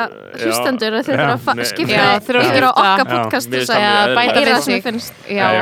við það munum síðan alltaf fara yfir í crossover þátt til ykkar þó að verði náttúrulega eins og sko við reyndum að semjum það mér skildist að þið hafi verið að reyna að semjum að hafa hann það. Já. Nei, við erum- bara svo formfastir. Ég nenni ekki að gera eitthvað part 1 og síðan part 2 í Nei, næstu ég meina, viku. ég sé þetta bara fyrir mig þannig að við skilur póstum skilur bara skoðanir, þú veist, annarkvort nöfn eitthvað beggja eða bara aðtilsbrest svo lokast í, við sjáum til hvernig það verður. Spennandi. Uh, og svo póstu þið bara ykkar þætti ef að við komum til, ef, ef þið viljið fá okkur í ykkar þátt. Ég held Já, að ég, ég að held að ég bara á mig sko. Já, ekki? Já, þú varst að hlusta þáttir þar sem að Mast, Já, já, það er það, sem þú- að kolfinna síður til snorra Já, var hann sjöður mig? Ég þarf að nei. Hún seg, hún, við segjum eitthvað svona hún segir eitthvað, ég hef verið skoðanabræðurum Já, og þá kemur, þá þá kem Beggi ég eða eitthvað Sal- skárri en ég. Já, þá, þá kemur salk eitthvað svona eða ég eitthvað, já við segjum ekki þetta orð hérna inni. Já. við tölum ekki um þá. Mm. en, en þá segir hún að þeir voru fínir eða allavega einn þeirra. Og var það ekki ég? Það Það var ég. Vá. Já. en, en sko, En ég- mitt bíf við að mitt bíf við ykkur er Ló- Lóa er alltaf bara að gera strax ráð fyrir að, að hvert væri verið að ræðum sko. nei, Já. hún var Þetta búin að segja Begga Nei, ég er að segja, mér, mér, það var fyrir- mjög fyrirsjónalegt að Kolfinna Eh, uh, hati mig. Já, ok, sko. Mitt bíf ykkur er að þegar þið eru með kolfunni í podcaststúdíun og hún segir þessi vond lykt hana þá segja það sé út í Já, að við vorum ég að taka upp að um undan þetta já. Já. það, það var svo það var það ekki? Var- undir var það Það var það var það- Það er það er alltaf ógislega hvað, ég ætla að lykt segja ykkur það að ég, það getur ég verið hver sem er. ég, við fórum báðar í bað og styrtu áður að reyna og við vildum einhvern veginn bara svona að þetta bara kom við okkur sko. þetta er einu þáttur sem ég hlusta á með ykkur Mm, Já, og við, og við Já, sög- við- þá það ég við það væri bara- vond lyktir í herbygginu út af okkur svo Já. fyrir að tala um að konur og okkar aldrei væri skítu og þvæðu sér ekki í sundi og þetta er bara svo Það er það sem og, við getum ekki svar fyrir okkur og við erum bara eitthvað stær að, keira heim finnst skilur að við þetta að fyrir versta sem við getum sagt um ykkur að við getum bara yfir ykkur í 40 mínútur það var ekkert mála en þetta hit home. Já, ég ger náttúrulega og ég ger náttúrulega bara ráð fyrir að þetta er einu þáttur sem ég hlusta á með ykkur Mm. að þið sé alltaf að tala að minnast á að við sem illa Þa, það er ákveð misrepresentation. Já, við ég höfum held ekki verið já, ég, ég, það, en, en mér finnst mjög eh, bara, ég stend alveg við þessu umalega þetta var mæta það því þið voru hérna undan. það er Og alltaf kem- ókemur leikt inn í þetta er ekki mjög vel ræst herbergi. Það er eitthvað er aðeins herbyggja, þetta er cursed það,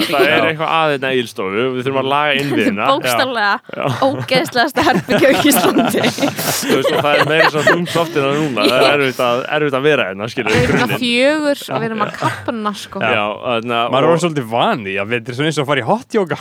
Nei, Það taka upp podcastið Já, og ég var líka, ég fór einhvern mann í viðtal með Jakobi á Rúf og við fórum inn í eitthvað stúdíó og það var bara ég var bara eitthvað, oh my god, er bara Já. svona að sitja í vinninu og þetta var bara svona stort þægilegt vanda skrippborð og bara Já. svona mæk sem þú gast hreift eins og vildir og bara svona ítt á smúð takka með smúð heitindólum, ég var bara eitthvað ég gæti bara verið hérna allan dag að Já. gera Já, útvarstöf, það bara væri ekkert mál. Já. Já.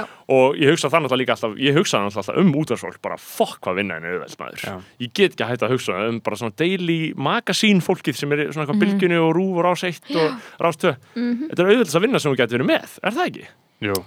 og rúf og rás 1 og rás 2 þetta auðveld að vinna sem þú getur verið með, það ekki? Jú, fyrir Jú. ákveðna fyrir hafið ekki týpur. fengið manneski viðtal sem getur ekki talað Ójú. Ég strax á. Jú, það er bara, bara ok, það er bara, það er bara gott spjall í gangi og svo bara kveikt á mæknum og það er bara manneskjan Já, bara já, já kemur ekki borði. Já, ég segi mér svo, þú fættist í Vesturbænum? Nei, já. Bara já, einmitt, ég var að segja þetta til þess að fá staðfestingu frá Já. ekki bara til þess að kveikja á umræðinni, skilur það er magna hvað, en, en þetta er náttúrulega líka þetta er náttúrulega það sem er gert, sko, sumir eru eins og segir, bara þegar þú komið fyrir fram hljóðnema þá bara sloknar á allir tjáningar vitund þeirra, en þetta er líklega tiltölulega algengt ég myndi alltaf að þetta væri meiri hluti fólks. En það sem er gert náttúrulega við fólk er að, þú veist, þegar svona fólk endar síðan inn í einhverjum svona stöðum til mér sé atunlífinu eða hvernig það er eða pólitíka eða eitthvað að þetta, þú veist, þetta er ekkert eitthvað svona inherent galli að geta ekki talað í útvarp, þetta er bara sem sumir eru sumir eru bara þessi marki brendir þá er að setja í þessa þjálfanir, skilur þá er það bara, þú veist, þá er bara, bara þú verður bara að gera þetta. Þegar einhver spyrði svona spurningar í útvarpi þá verður bara að svara á ákveðin hátt, skilur ég held að það sé það sem, þú veist, bara Aton og JL er að gera, skilur, þau eru bara að taka eitthvað fólk sem er, þarf að fara í fullt af viðtölum af því að það bara verður að gerast, sko. Já, ég meina þetta er rosalega mikið í bandaríkjum, Hollywood og í tónlist og eitthvað, það er bara media training. Já. þú veit, þeir eru bara algjörlega kent hvernig þú eigir að koma fram. Og sérstaklega þar, það er svo fyndið, sérstaklega sko í svona, uh, í rappheiminum sko, þá er alltaf sko uh, svona spyr, spyrlarnir eru oft svona þeir sem eru vinsælir svona hóstanir, þeir eru svona aggressífi svona shock jocks, svona kallar. Svona Charlemagne the God og Joe Budden og svona gaurar sem að ráðast á. Þekktir fyrir að vera geðveitt svona neikvæðar og miklu heitirar og svona ráðast á fólk. Og þú veist þannig að allir eru þjálfaðir í að svara erfiðum spurningum. Það er bara gett normalisera að þú ferði viðtal og ferði erfiða spurningar. Af því það er alltaf að skandalisera eitthvað. Á Íslandi þú veist þú ferði ekki erfiðar spurningar. Nei, skilur. nei. Það er- ekki á rúf. Nei. Þú getur verið að að setja bara, að þetta bara gasklefa frumvar bara við ætlum að setja sexuara bönnin í gasklefa. Og það er bara, og hvað Já. þú uh, já, og það er bara næs er Rúf er bara, king, já. og þú talar um hérna í hérna, greinagerðina að þetta geti haft mjög jákvæð áhrif. Hvað áttu við því? Að það er bara hérna. Já, allir þau þóri ekki neini, sko, bylgjan er ba- basically skárri með þetta, bíti á bylginni, sama hvað hver segir um bíti á bylginni, það þá taka þeir alveg stjórnmálamenn og fokka vel í þeim, þeir hlusta á bíti á bylginni á mótnana, þeir eru náttúrulega jú, jú, líning- þetta er- alveg mjög hægri líning. En þeir eru samt svona, það koma stjórnmálamenn og þeir eru svolítið kvikitistegi er verður að segja þetta bókstala á launum við að segja þetta Já, er- í, í fucking Já, en- podcastinu og, og skoðanir mín eru alltaf mína eigin sko. en ég meina, það er samt í alveg neðan sko. ég er náttúrulega ekki sammála á orðið sem kemur þetta fram sko. en þú veist, upp á bara viðmót við ég meina, fáið þið eitthvað með hvernig við tala er leið, leiðilega við hana? Það er rosa erfitt. Já, ég- Ég var að- náttúrulega að taka fleiri. komið næst já ég meina, þú veist, það væri mjög eðlilegt. þeir stjórna ekkert. Ég, ég líti ekki svo á sem hóstatirinn að við erum öll en um sama borð sko, en Eh, ég var að tala um útvarp hvað er ég að fara að segja? Já, veist, ég- Vi, já. við, við vorum að tala um það sko að því að það sem ég hef talað er að podcastformati snýst ekki um og því við höfum verið gaggrindur um að fá bara fólk sem við erum sammála Já, mæntalega, skilur, Já. en ekki að fá einhvern veginn það sem ég finnst vera hálfviti maður getur alveg, alveg fengið einhvern sem er borderline svona tæpur, skilur maður er ósaman einhverju. En, en ég myndi aldrei vera að fara að fá einhvern nattsýninga ég myndi bara að fá Ben eða Sigmund Davíð eða þótt að en væri, það væri mjög gaman að fá Sigmund. þeir Já. myndu koma til ykkar. Ég held það já. Já, og líka til okkar. Fólk, ma það? máli er bara, þú veist, það er bara ert ekki bara eitthvað, þú veist, þú ert þeir, skilur, Mhm. þú ert bara eitthvað þú átt bara, þú getur alltaf eftir þinn hag, þú- þú, veist, þú þú ert átt rétt á að vera allstaðar og Já, já, já. og þú veist, þú, það býtur ekkert á þeim, skilur Bjarni Ben geti komið hún í gæti verið skoðanabræður drullu sama hérna í tvo klukkutíma Já. og bara að rústa okkur bara hann, í drast. og hann, hann, hann myndi bara rúst okkur. Já. mjög léttilega. Bara tala ykkur í kaf, bara Já. segja hvað þú Já, veist, segja hvað þetta er fáránlegt og hvað er heimskulegt og- take En það er Jú, líka bara- vissulega er hægt að aðtúa það, skilur Já, þú veist. en, en líka bara því þið verðum alltaf aðtöða það er, það, það er ástriða þeirra skilur, það er ástriða stjórnmálamanna að sigra í þú veist, það- og bara, já, og bara snú upp á Gaslighta. snú upp á bara og vinna, þetta er bara svona þetta er bara eitthvað svona gett gömul bara list bara svona þrætu bóka list, það er bara að vinna rökræður, það er bara eitthvað, þú veist, þú bara færi fram eitthvað þrjú rök í röð og þetta er bara eitthvað svona system sem fólk bara elst upp í, sko. Og þú veist, þau bara vinna mann, það er bara ekki sens og ég hef engan áhuga á því að láta koma, fólk koma eitthvað Nei, og líka bara, þú veist, Á eigin er eitthvað með podcast skilur, af hverju er maður með það er það ekki bara eitthvað til að fá frekar ég er frekar að fá eitthvað sem er mjög eitthvað inspo skilur, já, að fá og mér langar til að spjalla við skilur, já, mhm. Já. ekki eitthvað sem ég er að fara að rífast við þetta er ekki, eða þú Nei, veist, þetta við erum ekki beint það. með eitthvað pólitísk eitthvað morfíst podcast skilur Mm. Nei, ég, ég tek alveg hins veginn við líka bara í vinnunni og þá finnst mér það bara, Já, það já. er bara allt annað dæmi sem ég er að gera þar en hérna skilu, þá spyrir Mhm. maður bara svona alveg spurningar sem bara, og eitthvað svona gengur eftir einhverjum ákveðin svörum og eitthvað svona, hérna er maður ekkert eitthvað að ganga eftir fólki, skilur Ég fekk eitthvað tímann eitthvað svona hærimann í viðtal Já. út af því að þú veist, það var í, Í í hinn þáttin já, Já, og Tala saman já. og þú veist alveg bara svona út af því að hann var að kynna eitthvað eitthvað svona loftslags hugmyndasamkefni Mhm. or something og ég var bara búin að þú veist, ég var bara að horfa eitthvað svona á hann var hann komur eitthvað svona samtökum eitthvað svona að- ég veit ekki hvort það voru samtök innarins eða eitthvað þannig, mhm. örgulega og eitthvað svona fyrirtækin sem að eiga eða þú veist, er eitthvað í þessum samtökum eru bara skilur Alcoa og Æslandir og Dyrru mhm. og ég ætlaði bara Þetta er festa samfélagsábyrði eitthvað svona, ég veit ekki mögulega. Nei, það var ekki það Nei. kemur og ég er bara búin að ákveða og bara skrifa hjá mig punkta og til að ætlaði að vera bara eitthvað og þetta, er í grunninn greenwashing fyrir fyrirtæki Mhm, að þú veist, velta miljörðum og setja sér eina miljón í hugmyndasamkeppni þar sem hún lætur eitthvað atvinnulaust fólk brainstorma eitthvað, eitthvað, eitthvað svona góða hugmynd sem á að minka losun á Íslandi bara vinna vinnuna sem þú ættir að vera að gera hjá þínu fyrirtæki eins og Íslandi er. Og já, svona og ég ætlaði bara að segja þetta við hann ég bara eitthvað, þú veist, það er svo létt að í gegnum þetta hvað þetta er mikið titlinga skítur og mm hvað þetta er lítill peningur með öll stærstu fyrirtækin í, á Íslandi og veist, bókstallega setja öll svona þúsund kall í þetta. Já, að myndum Og- raunverulega vilja gera eitthvað, myndum bara leggja upp starfsemi. Bara já, hætta. já, nákvæmlega og, og svo bara kemur hann og bara ég gatt ekki, veist, ég reyndi og hann bara svaraði og hann bara tala um einhvern veginn, þú veist, hvað það þarf að byrja eitthvað staðar og durru og bara eitthvað Þú tapaðir bara já, og þú veist allan út frá þeirri fórsönda að þú ætlaðir að sigra ef þú ímyndaðir fyrst og fremst að þú ætlaðir að sigra ég er bara gaur MR skilur sem Já. er miklu klárar en ég og bara, þú veist, með einhver háskóla gráður og líkið yfir einhverjum bókum kann- í sex ár já, kann að þú veist, einhvern veginn, þú veist, er bara eitthvað svona hægri maður sem að, þú veist, ætlar að appropriata umhverfisvernd skilur Mhm. til þess að, þú veist, vera meira su- successful í einhverjum hipstera kapitalisma og hann er bara eitthvað, já, þú veist, þetta er svona og það er mikilvægt að- byrja eitthvað staðar og þú veist, það en sem er samt sem, eitthvað sem ég hef átt að kóla líka sem er bara eitthvað, þú getur ekkert verið eitthvað að byrja núna bara til að Greta Thunberg er búin að gera umhverfisvernd væral eða skilur við En það er líka bara eitthvað svona, er það ekki bara því að þú varst, þú veist, að vinna á útarstöð og þú veist, það var ekkert endilega eitthvað svona yfirlýst eitthvað reitstjórn sem er að, veist, maður þarf úrst að mikla svona þjálfun, skilur í fjölmiðlum til þess að taka þannig viðtöl, eða og þarf bara að vera með balls Það þarf að vera með líka stuðning, þú þarf líka að vera með frekar mikið stuðning frá einhverju svona reitstjórn Já, sem er bara eitthvað, heyrðu, Jóa eða þú veist, ég man eftir bara eitthvað Jói kvíðin eitthvað Já, eða þú veist, eitthvað svona, ég er að vinna á eitthvað frettatímanum og ég var ekki að taka frettir, þú veist, ég var að taka meira svona human interest og menningu og svona.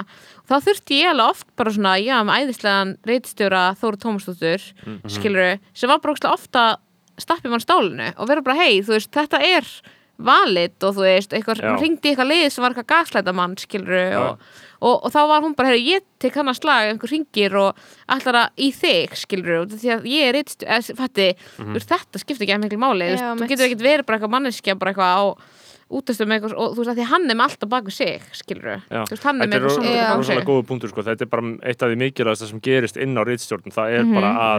er þú ert eitthvað, hei, er ég eitthvað tæpið með þetta hérna bara, er þetta eitthvað, er, er eitthvað leðileg við hann? Bara, og allir bara, nei, nei, nei, áfram. Það er alltaf bara tíu manns sem eru Já. bitir blaðamenn bara, nei, nei, nei, nei, bara hjóla í þetta og það er bara það er ástæðan fyrir því að erfiðar fréttir eru yfirleitt einhvern tímann skrifaðar Já. á Íslandi. Það er bara þegar það er nógu mikið af fólki sem segir og já, gerðu þetta bara. Og er það ekki líka ástæðan okkur alltaf að molna á rúf af því að það er einmitt ekki. Já, ekki svona, svona stemning, Já. eðiligur þessa stemningu það sem er bara eitthvað svona, já, já, hjólum Já. bara út með þetta, Já, skilur Já. bara út, út, líka útvarstjórinn bara lögga.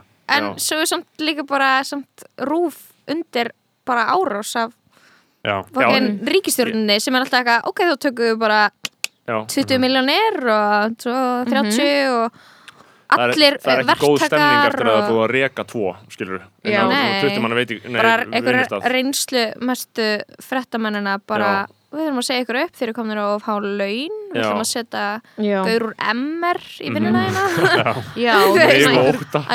Einhver, góð svona gaggrinn fjölmjölun en það þarf alveg mjög svona stert svona bakbein skilur halda sem því ég hef ekki. Nei, þú veist, frá öðrum skilur veist, það það getur ekki verið eitthvað sjálfur. 20 og eitthvað ára gummul manneskja og verið bara eitthvað ég er bara frá náttúrunar hendi, bara eitthvað blei blei skilur, þú ert alltaf að hafa hennar stuðning sko. Nei, veist. Um, það er bara erfitt að rífast líka. Já, það er- Men maður vill ekki rífast það er mjög óþægileg tilfinning. Þú þarft að vera Já. sikkó til að vera rífast og það er fólki sem fer í pólitík. Það er eins og að til rífast. dæmis- eins og svona fjölmjölamæður sem ég man alltaf bara að er svona fjölmjölamæður sem bara svona, það er eitthvað svona erfitt viðtal og hann rífst. Það er eitthvað bara Sigmar Guðmundsson. Það er bara svona hann var bara, þú veist, svakalegur ef- þú horfir á var bara, hann bara sat þarna allan tíman bara, bara ekki sviprið á honum bara spurði leiðilegustu og erfiðustu spurninga heimi Já. bara, en byrju hvað meinar þú, af hverju er þetta er þetta ekki bara þetta, er þetta ekki bara svik? Og þetta er bara eitthvað sjórnmálumæðurinn bara eitthvað, uh, sko, segir maður eitthvað, nei, ég meina það, veist, og þá er hann bara hætta svona út úr. Já, bara, nei, nei, nei, ég bara spurði, bara, eru þetta ekki bara, þú veist, og eitthvað svona, og maður bara svona, wow, þetta Mhm. er bara rosalega sofistikeruð tækni sem hún bara slípar á mörgum áratugum, skilur Já, og þú veist, það er bara, veist, það er ekki allir sem geta gert það, en, veist, en þeir sem gera það og hafa einmitt bara það sem þarf og síðan er náttúrulega reynda núna bara fann er í frambóð fyrir við er- mér finnst það alveg on er- þetta brand er sko. harmsaga. Mér finnst það svo mikið vonbrið mér finnst það það. Eða, þú veist, mér fannst þetta svipa og bara þess af hverju ætti hann að vera að grænda í fjölmjölun að ég, grínast ég skil Ég ég það. Sjónum Já. besta sko, ég skil það, ég hef, ég bara viljað að myndi fara í Já. þú veist, þetta er svona svipa og þú veist, þegar Larry David donataði til Joe Biden skilur, skilur, getur svona aðeins Já, já, skilurðu. ég skil það hefðu vel, farið í sko. samfylkingun, hefðu bara, ok, let's go bara komum sem gauður að þing já. Sko ég er svona jafnspennt fyrir samfélkingin og viðreist sem er Já. ekki neitt sko. er það svona slæmt, já Ég, hvað segið þið um þetta? Er þetta ekki bara áferðamunni Það frekar en er eitthvað annað? Vinstra fólk- Það er eitthvað vinstra lið að gera eitthvað svona takeover í, þú veist, unglega reyfingunum Í samfélkingunni? mm Mm Já, En sannlega. þú veist, Með bara tildulega góðum árangri hinga til. já, og svo erum við með Kristrúnu Frosta og hún er æði Hún væri Já. flott, hún væri flottu fjármálur Já, já, Við hliði Gunnari Smára sem aðra sko, já, ég held að í grunninn skilur viljum við fjögur sjá eitthvað gerast í pólitík sem er ekki fara að gerast Nei, nei, ég vil það verða Bara bara Við erum bara sett upp fyrir vonbreiði sko. Ha, þess vegna er ég tilbúin í vinstirgræna, sjálfstæðarflokkin og framsók Ennþá. Ég vil fá, ég vil fá þeim, sko. Samfélkinguna og Pírata saman. En sko, þarna, byrju, hvernig voru að tala um Sigmar Guðmundsson, já, ég mitt, viðreisn, ég meina mér mun finnast mjög leiðilegt að þurfa að sjá hann allt í henni hinum með borðið, eitthvað svona í einhverju viðtali og þá er hann allt í vera bara góður samt Já, hann mun örgulega sigra Já. það frekar vel. Ég tók fyrsta viðtali við hann sem stjórnmálmann, ég ringdi bara í hann um leiðis á þetta og það var bara eitthvað svona ég skrifaði það bara en það stóði ég ekkert í því skilur, mér líður ekkert eins og hafi staðin eitt í því þetta, mm. ég held að það verði smá þannig af því viðreisna pólitík er þannig, Ekkert, bara það ekki stendur ekkert í þessu bara Já, hvað, já, já. hvað er, hver er merkingin skilur, mm. einhverju Æ, leiti þetta er bara gaur, þeir sem voru pussies eftir hrun Mm. og heldu að sjálfstæðisflokkur myndi ekki recovera já, sem hann gerði já, Já, og var mjög auðvelt fyrir hann Mhm. Þetta var bara, æ, ok, þetta er þetta er sökkandi skip já. Þetta Þau- klokk Þetta var bókstæla held ég það Mér er sko. svona báði flokka bara svona hoppa á einhver svona nokkur góð mál Já. og ná að halda sér svona góðu megin þú veist, Já. með þeim og svo svona í öðru leiti vera bara að sækjast eftir einhverjum völdum sko. Já, mér finnst það sko að það væri stór, stór, stór, stór, stór, stór hættulegt ef að viðreisn væri með svona áslu örnu típu sem að nær til ungra görbossa og svona ungs fólks í lögfræði sem svona nær til Instagram kynnslóðuna ef það það væri þannig í viðreisn þá myndi bara allt sko. Ísland kjósa þetta um leið sko. já, já, þetta er náttúrulega hvað við vorum, þau eru með Gerfinnsson og Sigri Mari Já, í- þarna á Mari er náttúrulega rosalega sterk ef hún færi fram, skilur Já, en svo fluttu hún held í Erlendis Já. en hún geti verið svona viðræstnar áslöðarna Já, Já. Þú veist, það væri hræðilt til þess að Kristún Frosta væri viðreisn Já, það væri cursed af því Sko- að hún, henni, henni myndi ganga svo vel En Ah, veist. Katrín er náttúrulega aðna og hún, en hún er með mjög mikið persónufylgi Hún er æði. já, Pæli, Hún er pæli, pæli, boss. já, pæli, pæli, já, þú veist já, hún hún myndi fokka okkur upp í þessu ef Já. hún myndi að koma við þetta þá hún myndi fokka okkur upp í drast Já, Hann já, bóltakona já. Já. Hún var aldrei í handbóltalandsliðinu sagði Já. hann sandi nýðilag um hennar um hana. Stórasta landið er náttúrulega nýðilag um Þorgerði Þorgerði Katrin hann segir sko, vil, vil ég fyrir yfirum, vil Þorgerði niður að sviðinu því hún var aldrei í handbóltalandsliðinu Já. og heldur áfram að yrkja nýð söngu um hana, það æðislegt bara lag það sem að sko. gerir sko. Um, voru að tala um eitthvað? Vorum að tala um Já, Sigmar ég var að- Guðmundsson, fjölmiðlana? Mhm. Já, ég var að tala um ég var að spája með Þorgeri Katrin og viðræst já. Já, nei, ég er búin að gleyma því, sorry. Já, þetta verður vanbriði í haust með uh, Ég hlagt til að vera fyrir vonbreiðum kostningarnar ég hef enga vonir lengur, ég meina ég- þetta var það sem við vorum að segja bara þetta er svona einhvern veginn alveg döitt í manni sko. Nei, sko ég er svona consistently búin að kjósa sko pírata í síðast, síðan að pírata voru Get stopnaðir ekki sko. kosið Já. þessa lúða. Nei, út af því að, nei, málið er að ég er ekkert einu svona eitthvað svona Ég myndi aldrei vera eitthvað, ég er alveg pí, eða þú fattið, þú veist, ég er bara Ég svona pírati er bara Ég er bara eitthvað, ég get til í að hafa eitthvað fólk þarna sem er bara eitthvað nördar og Já. er alltaf bara eitthvað geðveitt eitthvað fast á því að eitthvað rétt skal vera rétt í einhverju svona dóti og ég er bara eitthvað, ok, nice, verið Já. þið bara þarna. Já. ég tengi vel við það. Já, bara eitthvað- okkar er að vinna fyrir pírata. Og, Já, og er bara þið ætla, þú ætlar að kjósa pírata Mhm. og ég er eitthvað svona uh, þú veist, ég hef ekki beint ég man ekki neitt eitthvað svona góða ástæði fyrir okkur ég ætti ekki að gera það. En ég held að þetta sé ég held að þetta sé spurning um eitthvað svona hvað maður tengir sjálfur við. Og kannski er maður að ætlast til þess og mikið að finna að finna eitthvað flokk þar sem ég sé sjálfa mig. Já, og já, til að já meira að segja skilur Ég nefnilega ekki þar, einmitt. unglega reyfingin skilur hjá samfélkingunni á að vera mitt svona Já, þetta á að vera svona Já, þetta á að vera skilur minn, mitt mengi. Já.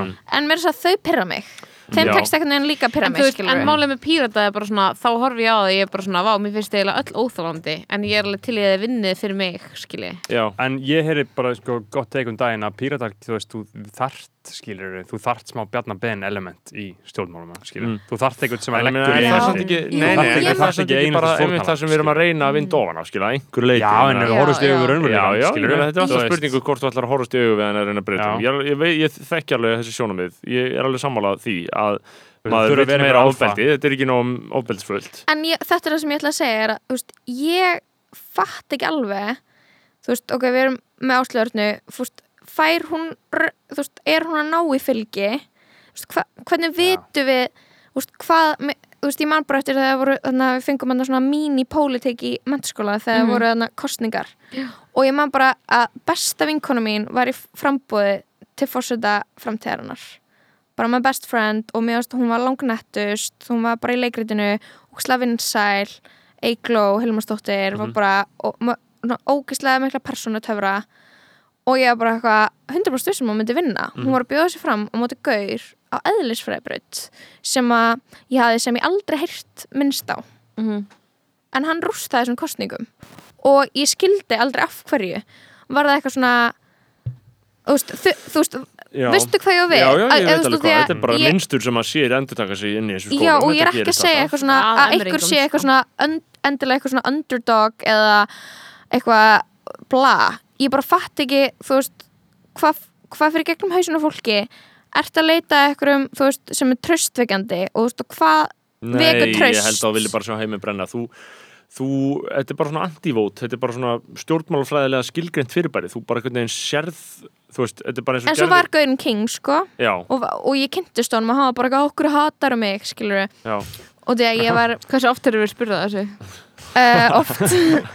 Aðna bara please, hann var bara please nennir bara að kynnast mér og hætti að dæma mig. Já. þó ég sé að eðlisfræðbraut úr hafnafyrði og gangi í jakkafutum á balli Vá, skilur það er alltaf mikið að byggja en hann var bara ókvæslega næskur og þá hefði ég bara ekki séð það sem að hinni sáu sem var bara þetta er saga MR Við- frá uppáði Það er bara eitthvað gaur aðeinsverðbraut úr hafnafyrði alltaf jakkafittum á böllum sem er á endanum næskur Þetta er bara MR, og MR pipeline. Þetta depressing heimsmynd. Já, þetta er bara, þetta er það sem Rosalega sorglega fyrir MR Fyrir- sko. uh, uh, Þetta er skólinn okkar lóu, ekki talaði yllum þetta Ég uh, hata emringa ég bara mér finnst þetta ekkert æðislega skóli Snorri. Nei, ég veit það vel, þú, mjög, þú svífirst þetta og gengist Er það þess að þú tala svona snorri? Þú- þú- já, hann, hann talaði eins og venjuleg mannskja svo fór hann í það? MR og hann kom út Þú- bara Þú hefur ta- þú hefur svikið arfleðina með því að fara með því að snúa baki við Ég skil ekki hvernig ég gerði þetta, ég fór að fornmála Ég skil ekki- var, ég ég skil ekki bara þetta er um, Já, ég meina ég, ég, ég, ég er alltaf svona, þú veist, ég var að hugsa um þetta bara í bílnum á það, þá var ég að hugsa um svona eitthvað MR sem stopnun og MR sem pælingu. Þetta er svona elitískóli eins og Já. hann gerist er svona. Mér eins finnst og það svo skrítið, þetta er svo mikil nördar Þetta Já, er svona nördan er að búa til sína svona elitu Já, einmitt, þetta En er þið er bara eilita innan MR, skilur. Þetta er svona bara Jú, svo útskrifast þeir og verða eitthvað spaðar sko. Ná, þú veist, Er það samt? því ég man bara, ég man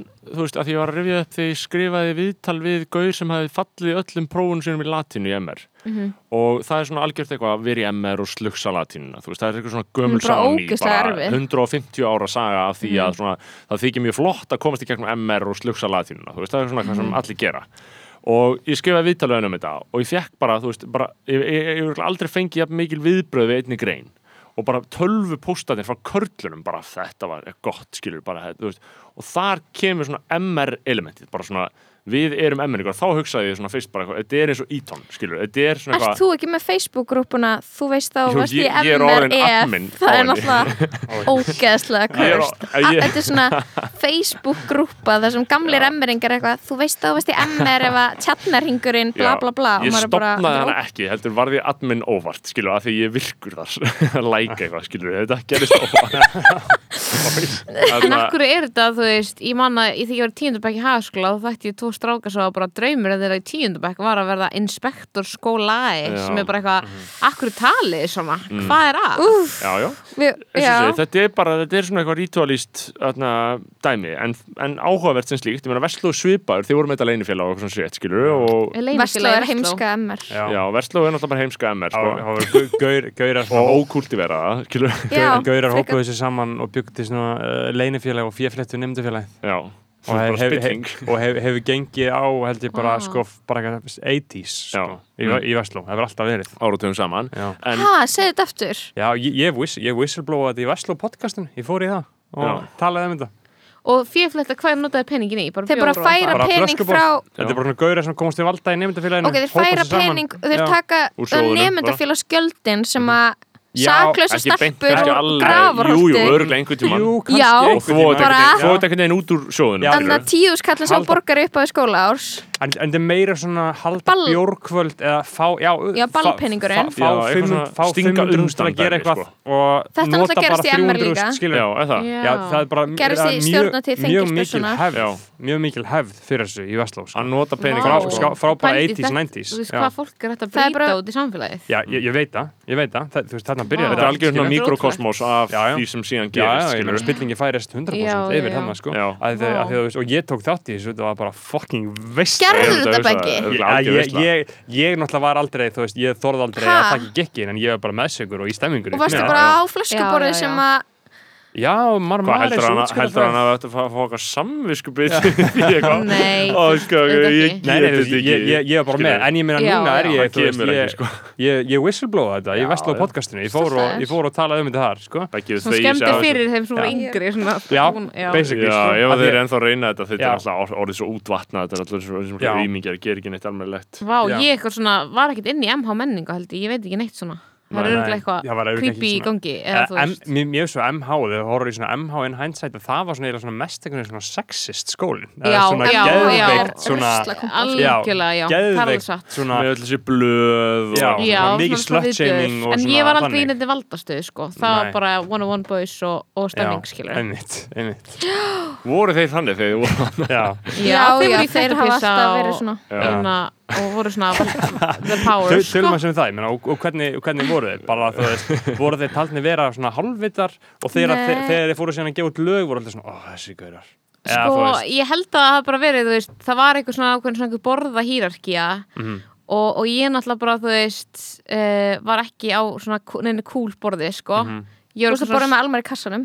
Já, Já, sem að núna er svona mjög innan Það mikið menningar kapið. Já.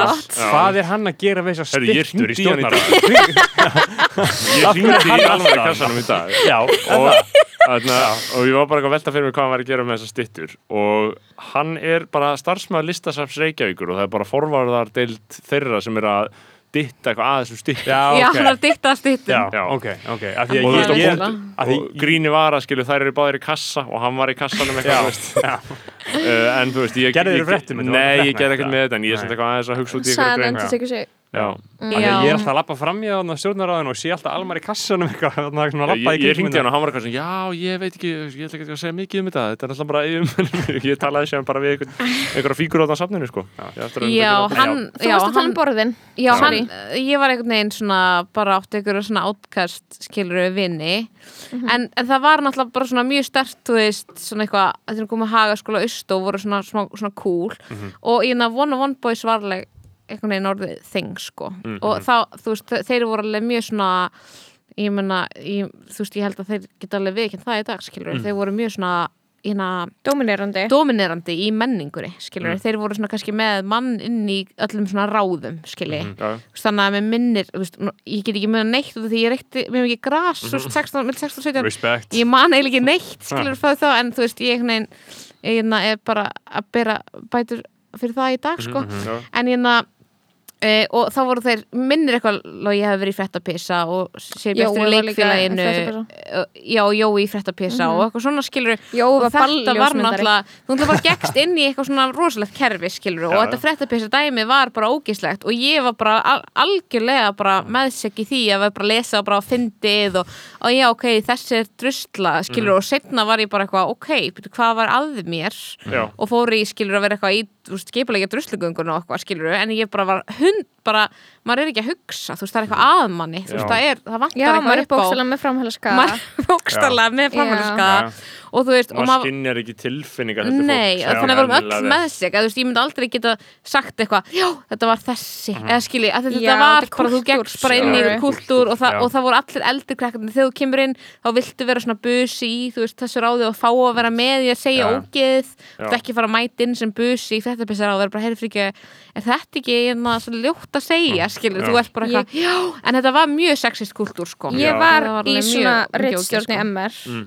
og það bara það var að grafa upp loka löfi og svona blað sem að ég var rittstjórn það sem ég bara, það er heil síða það sem er mynda fagott í hljóðfærinu og það stendur ekkert nema A-klassa fagott Já, og svo gerir ég svona heitt og kallt lista og svo það verið kallt að vera holgóma já, skilur og ef við myndum bara og en Já. þú veist, það, ég fekk smá svona félagslegt taumhald í kjölfar þess Já. það kom bara einhver inn í stofuna mína í gamla skóla Það var reyður út í fyrir sem var bara það er stelpa í skólanum sem er holgóma ah, og bara hvernig dettur er í hug að gera eitthvað svona.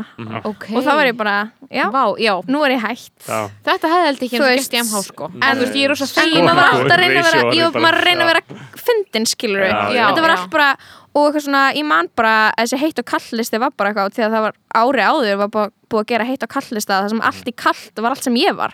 Reykir, en með þvertopp gengur í þessum fötum Já, og ég var bara, ég auðvist opnaði þetta bara eitthvað og bara eitthvað, bara að vera að ráðast að típunum minni skilur Já.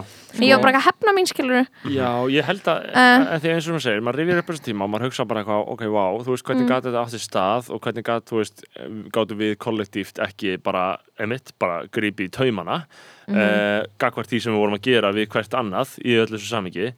Ég bara get eiginlega ekki dreigja aðra álítanir en að þetta sé skortur á tilfinningagrein. Þú sérði ekki hvernig hann er mannesku líður. Þú skilur ekki tilfinningar annara. Ég held líka að þetta sé svona grunnskóla, þú veist, það sem að fólk er kvikindislegt við hvort annað, rosalega vond bara virðist vera, börn, skilur það er bara, ég held að þetta sé bara, þú bara skilur ekki að, að annar mannesku bara líði illa. Já, þess er svo mikið ábyrgskilur eins og held að, nú, held að núna setja miklu skarra í MH út af því að það er eitthvað svona fréttabísi þarf að fara í gegnum eitthvað svona alvöru bara það er einhver að að skoða þetta já, já, já, eitthvað svona skilur að því að sem er Það enda verður út að af fyrir sig líka problematist að mínum að sko, að Já, það en ég held það hafi sko Já. líka verið þannig þegar að, það, það var bara alltaf látið slæta, skilur en það var eitthvað svona, en þú veist ég held að, já, þetta er svona bæði og maður svona, maður getur ekki alveg verið eitthvað svona dæma svo úkslega mikið fyrir þessa hegðun þegar maður er svona aldrei á sama tíma og bara fólk sem að varði í alvörinni fyrir bara ömulum áhrifum og ókslega gott að maður skoði það og sé bara, vá, ég var algjör fáviti og bara, bara byggði fólk afsökunar eða eitthvað skilur Einmitt, ég held ég bara var ekki neitt valdarstöð til þess að vera halvviti vinnit sko. ég er Nei. mjög fegin að vera lúði bara frá því bara ég var lítil skilur mm. þannig að ég var Þú bara ert ekki að fara í reparations. Já, já, Mitt- bara. Já, mitt svona attitude í MR var einhvern veginn svona að koma inn full force og svo bara að byrja að hata alla. Já, og vera eitthvað svona þú veist það eru svo fáir sem að keppast eða þú veist, það eru raunni fáir sem taka þátt í félagslífinu í MR já, það er lé- léttar að komast til valda Já, já, það eru raunni bara þessir þrýr sem að fara út úr stofinu sinni Mhm. og þeir eru vinsali krakkarnir og þú veist, svo bara býður þannig að þú ert komin í sjötta bekk og þá ert þú bara át og skiluru Já. skiluru og þú veist ég veit ekki hvað var eitthvað svona þú veist, það, það voru svona strákar sem að svona stráka klíka sem voru þú veist 91 árgangurinn þú veist, sem að stopnu öldungafélagið í MR og þú veist, fóra fannala pening úr nefndafélaginu yfir í sitt eigi fyrirtæki. Og hann að svo tók Jóhann Ball Jóhannsson hann að fyrir hann til DFF Frambjóndi, til þings. Eiga fram til þings, hann tók það á sig og hann og vinnur hans og expósuðu þetta. Mm. Í alvöru dagblæði eða einhver skólablæði. um, að þetta fór aldrei í alvöru fjölmjöla bara innan skólans uh, var þarna þurfti einmanneskja í, sem að hefði svona í rauninni verið aðal svona Brautan í þessu saman. já, bara svona sá sem að framdi glæpin uh, þarna bóðaðir á svona nemenda eða svona skólafund bara svona eins og eitthvað svona þing. Í kösukjallara það sem að, og ég, þú veist þetta var 2000, hvað var þetta ekki 2012 hann hefði verið inspektor. Hann hefði aldrei gefið questor sem er gældkerri skólafélagsins aðgang að, hann að gert hann að prókur hafa og hafði einn sem sagt yfir umsjón yfir öllum peningamálum nefndafélagsins Kongalegt.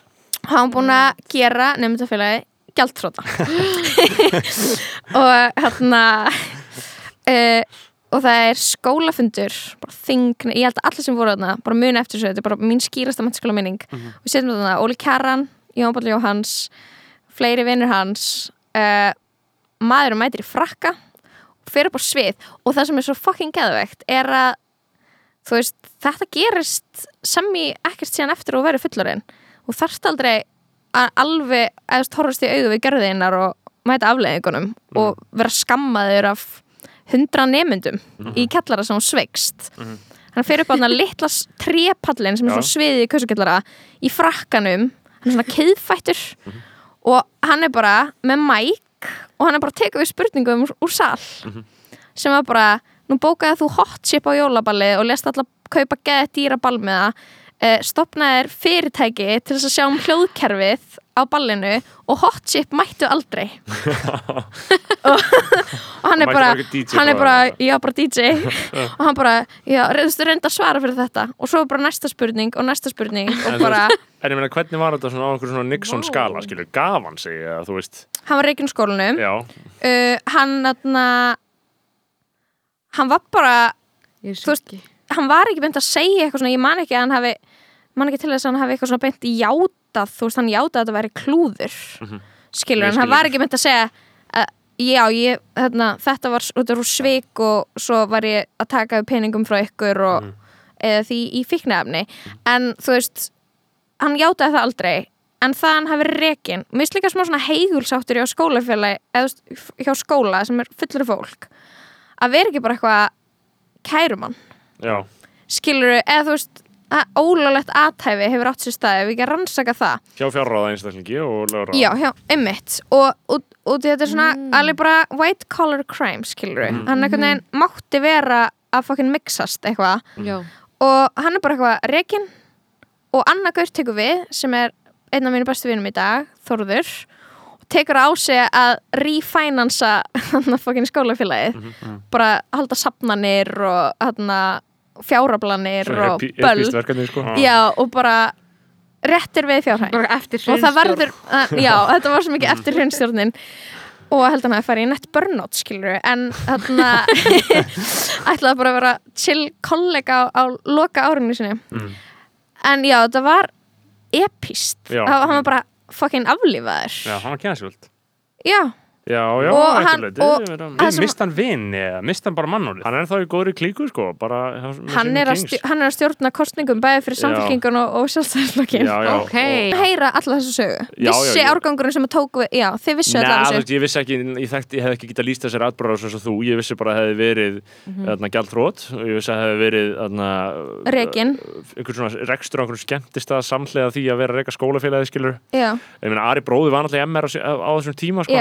í já. 90 Mhm. uh, og þeir voru með þarna hestafélagi líka já, uh, þetta, er allt eitthvað svona Hestafélagið. hestafélagið og, Og- reyðkvöld og, og, þarna, og, þetta var alltaf eitthvað svona legendary dót en, en, þú veist, en, en sama hvað hver segir þá er þetta náttúrulega eftir svona verðara en það sem er núna, það sem allir eru fokkin heima á sér COVID Teams, Twitter bla, skilur við, þú veist, bara einhverja alvöru fjármála gjörningar og einhver svík og eitthvað, þetta er svo episk, skilur, og þú svona svona að- Þetta að var ég iconic, ég romantísera rosalega mikið eitthvað svona leinifundir eitthvað þetta- handmannstíga, reyna að leysa einhver svona mál, skilur Þetta eru líka, þetta er líka fullorðið fólk, skilur Þetta Já. er svo mikilvægur aldur, loka fjórða árið í mentaskóla, skilur Mhm. 19 Einmitt. og 20 ára, veist, þarna ertu næstu í Já. og þá getur þú gert miklu meira af epic skemmum, en þú getur gert 18 19 ára, Já. þú veist. Já, já, Haldur beina mín, eðilega mentaskóla Já, ég var á, já, ég var á, ég var á hérna, ég var á einhverju vestló björkvöldi með strákunum og kom ykkur upp með þess að halda beina mín, hann eðilega þetta. Já, þannig að the word, við erum búin að vera sko uh, að dreifa þeim þeir, þeir, því dreifa þeim legum að Halldór Benjamin hafi stitt þetta niður í þryggjára því samtök aðtölusins gerðu það já. áður en að hann Já, voru með lob- Lobbyið vildi stýtta þetta, sko Já, samtök- samtök atvinnulífsins gerðu það. Það er svo sækó það var alveg skýrt, sko, það lág alveg fyrir, sko. En þú veist að þú þarfst þannig til að vera í þessu speysi sko, á þessu þroskastígi Mm. skilur, þarfst þú að vera í ven, aðeins vendara umhverfi sko. já, Er það ekki? Æ, ég Jú, veit það ekki. ég Ég, meina- ég var alveg fjögur og hálft ár. Það er náttúrulega, eins og við segjum, skilur heilaskaðin og Mhm. Hérna, græslingi plantan góða. Plantan góða sem Mhm. ég hef ekki snert árum saman sko. nei. Hérna, en En var það þannig í MH að menn voru bara að smóka mjög mikið það? Menn voru að smóka í Já, skólanum já, heyrt. í skólanum og svona. Já, já, en þú veist en ég er ekkert, ég er, þú veist, er líka alveg smá að grínast skilur, ég er ekkert ekki, ég var ekkert eitthvað svona dagreikinga manneskja eða eitthvað þannig, skilur. Þetta var meira bara svona, mjög mikið svona í vinahópnum og síðan, þú veist, var maður bara farin að finna fyrir kvíða, þú veist, það er alltaf bara það, skilur. Rosa margir svona sem að hérna urðu, þú veist, eftir því ég, þú veist, ég var alltaf ógeðslega góð námsmaður en ég þurfti að eiga, fá að eiga ár þar sem ég var bara haugur. Það, það er svona vanta núna skilur, bara á þrjú ár veist, færðu einhvern veginn sveigrúmið sem kannski var ekki MR endar Jú, jú, Þú veist, það til að vera bara- þunglyndis árið, þetta er bara pínu mikilvægt skilur, að vera bara að fokka öll upp í lífiðinu því þú veist með einhver ábyrg sem ræður ekki við en þú veist, að ég að fá að þú veist, vera í einhverju vendu umhverfi þar sem einhver er ennþá eitthvað að taka aðeins utan um þig skilur, fá að fokka öllu upp. Og ég lærði bara geðað mikið á því. Og svo var ég bara eitthvað, bara náða Og að útskrifast og bara púslaði mig saman og var bara eitthvað og bara eitthvað var, þú veist, og feminismi var í tísku og við varum bara eitthvað, þú veist, á móti gils og, og, og Mhm. með skoðanir og eitthvað, þá byrjaði ég svona að móta sem einhver manneskja, að Alveg- þar frá því var ég bara eitthvað vofa, Já. skilur Þú þarft að fara á eitthvað svona Þetta er svona bara að fara nýra botnin í svona örugur rými, sko, þú veist. Já, já. Þarna að því að mentaskóla gangan sjálf og allt samhengið heldur Já. floti. En þú veist, ég man bara í sjötta bekka, það var bara, þú veist, fólk Mhm. hefði bara átt að hafa áhugir af mér. Það var bara, Já, maður bara. Mhm. hætti að mæta, fór að sofa út og bara sagði bara fokki ykkur öll. Bara, ég, bara, ég er til að hætti í þessum skóla eða, eða villi, bara, sem er alveg svona geðveitt mikil andspyrnu höfðun, en er svolítið nöðsynlegt að hver og einn Mhm. Já. geri, sko. já, mér finnst svona hættilegt ef þú ferði ekki að gera það, því þá gerir það kannski bara ekkert maður setna, Já. á kannski óhendur einhvern veginn tíma, eða skilur, þetta er bara mjög fýtt tími til að vera aumingi. Mm. Þú átt líka ekki að vera undir svona mikla álægi sem úlingur, held ég. Nei. Nei. Og eða þú veist, ég var að hugsa það bara eitthvað að maður var bara eitthvað í tíu prófum og maður var bara með kvíða. Ég fekk svona áfallast þetta röskun eftir stúdinsprófin. Já, það Ég- var rosalegt. Ég hugsaði, rosalegt þú veist, ég var í 13 prófum í ykkur fögum ég var góð í sömu og bara hræðileg í öðru, skilur Mm. Og maður þurfti að muna svo ógeðslega mikið og taka eitthvað tveggja til þryggja tíma lengur próf, skilur við, var eitthvað fjórum eða fimm tungumálum, skilur við og ég bara eitthvað ég var í svona ár að svona, eða meira að vera bara eitthvað, líða ekki eins og ég var alltaf að klúður ykkur eða fattiði mig. Já. bara svo mikið kvíði. Það er mjög Mhm. óeðlilegt og svo er bara búið að kondensa þetta. Og þetta er líka svona skemmtileg normalisering sko. á þessu skemmtileg normalisering, sko, romantíseringin á þessum stúdesprófum og svona. Mhm. Mér finnst það bara gaman, ég var bara konsert allan tíman og bara, Já, og ég- var bara fann að ég hækka, elska- ég var bara fann að djúka, ég var bara, ég var komin að 54 milligram á konserti bara dag og bara Mhm. keira maður fyrir, ég er með aðtilsprest, þetta var bara svo mikil stemning, skilur. Já. Varst að fá þau það ólulega? Uh, já, ég rettaði því bara. Heldur bara góðum skömmtum sko. Uh, og mér fannst það alveg gaman en svo fannst mér þetta bara mér fannst þetta bara að fara illa með líka ég var bara eitthvað svona, oh, ég bara ég, vil ekki borða lengur ég alltaf bara með vörunni, vörunni Ég, bara, eitthvað svona. le, bara, ég man ég leiti speil og veist, það voru allar æðarnar í augunum sprungnar. Já, Það eru búin að taka íslensku prófs all-nighter, taka konserta, borða nammi, Mm. vaka allar og já, ég var með reynda lífseðil Mm. og hérna og þú veist, þetta er bara ógíslegt. Indislegt um, sko, við erum að huga hlutum en þurfum að ræða eitthvað sérstætt en Sko, ég held að við séum svolítið mikið uh, búin að fara Já, ég er alveg þú, Lóa, ert þú búin að segja allt sem þú vildi segja? Þú veist, þú, En það er þú er það ekkert sem aðtilsprest eða ofvirkir, eða þú veist, Snorri Mm. tala mjög hratt. já, Ég ég er alveg svona keeping up, sko, en það er skaðin líka, skilja. já, Já. heila skæðin ég, held að ég uh, sé ekki með Hann er bara svona aðtilsprest klassískur er borderline Já. persónuleika trúi líklega bara mjög mikið á það sem ég hef að segja Já. varst reyndar um það í hvert, hverju orði En eru þið þá svona, þið takið upp áður svona það sem er að segja ykkur sem borga mikið hjá ykkur svona í já, Patreon? ef við tökum upp eftir áriðild bræðralags Já. þátt já, Það nei, já, eftir að tala um Já. þegar við erum bara tveir Ég veit ekki, Já, þeir eru það er að sjáta intro. eða eitthvað. Já, það er það introið sem, við gerum alltaf bara fyrirfram En ég heyrði bara eitt þátt að það var bara svona einhverju gaurar. uh, Sem eru í þeirri áskrift. það er virkilegur meiri hluti. Það eru tvær konur já, það. eru hátt í þrjár, mögulega. Uh, hvernig er hátt í hátt í þrjár? þrjár, ég, veit ekki. Já, Já, nei, ég man ekki, ég man ekki, ég man sko. ekki hvort það er tvær eða þrjár en það eru, þú veist, og mér finnst það að sé vikið þetta er náttúrulega mjög óeðlilegt að borga okkur 30 dólar á mánu þetta er bara mjög Nei, skítin hefði ég finnst það bara æðislegt Já, En ég Einhver dýrka bara heyra nafnin sitt Já. Já, já, já, en einhver var að borga mjög mikið, eitthvað svona. Já, það eru 150. nokkru í smá tippakeppni sko, sem er mjög Leikarinn. gott en Jónas Haugur er búin að upp Já, hann er búinn að Jónas, gefast ef þú ert að upp. hlusta, Nú- sem þú líklega örgulega ekki að gera en, Nú er það sko mm, Tandri Snær, Sindri Kampan og, og Tumi Gonzo sem Já. er að borga okkur allir hundra Tumi Gonzo.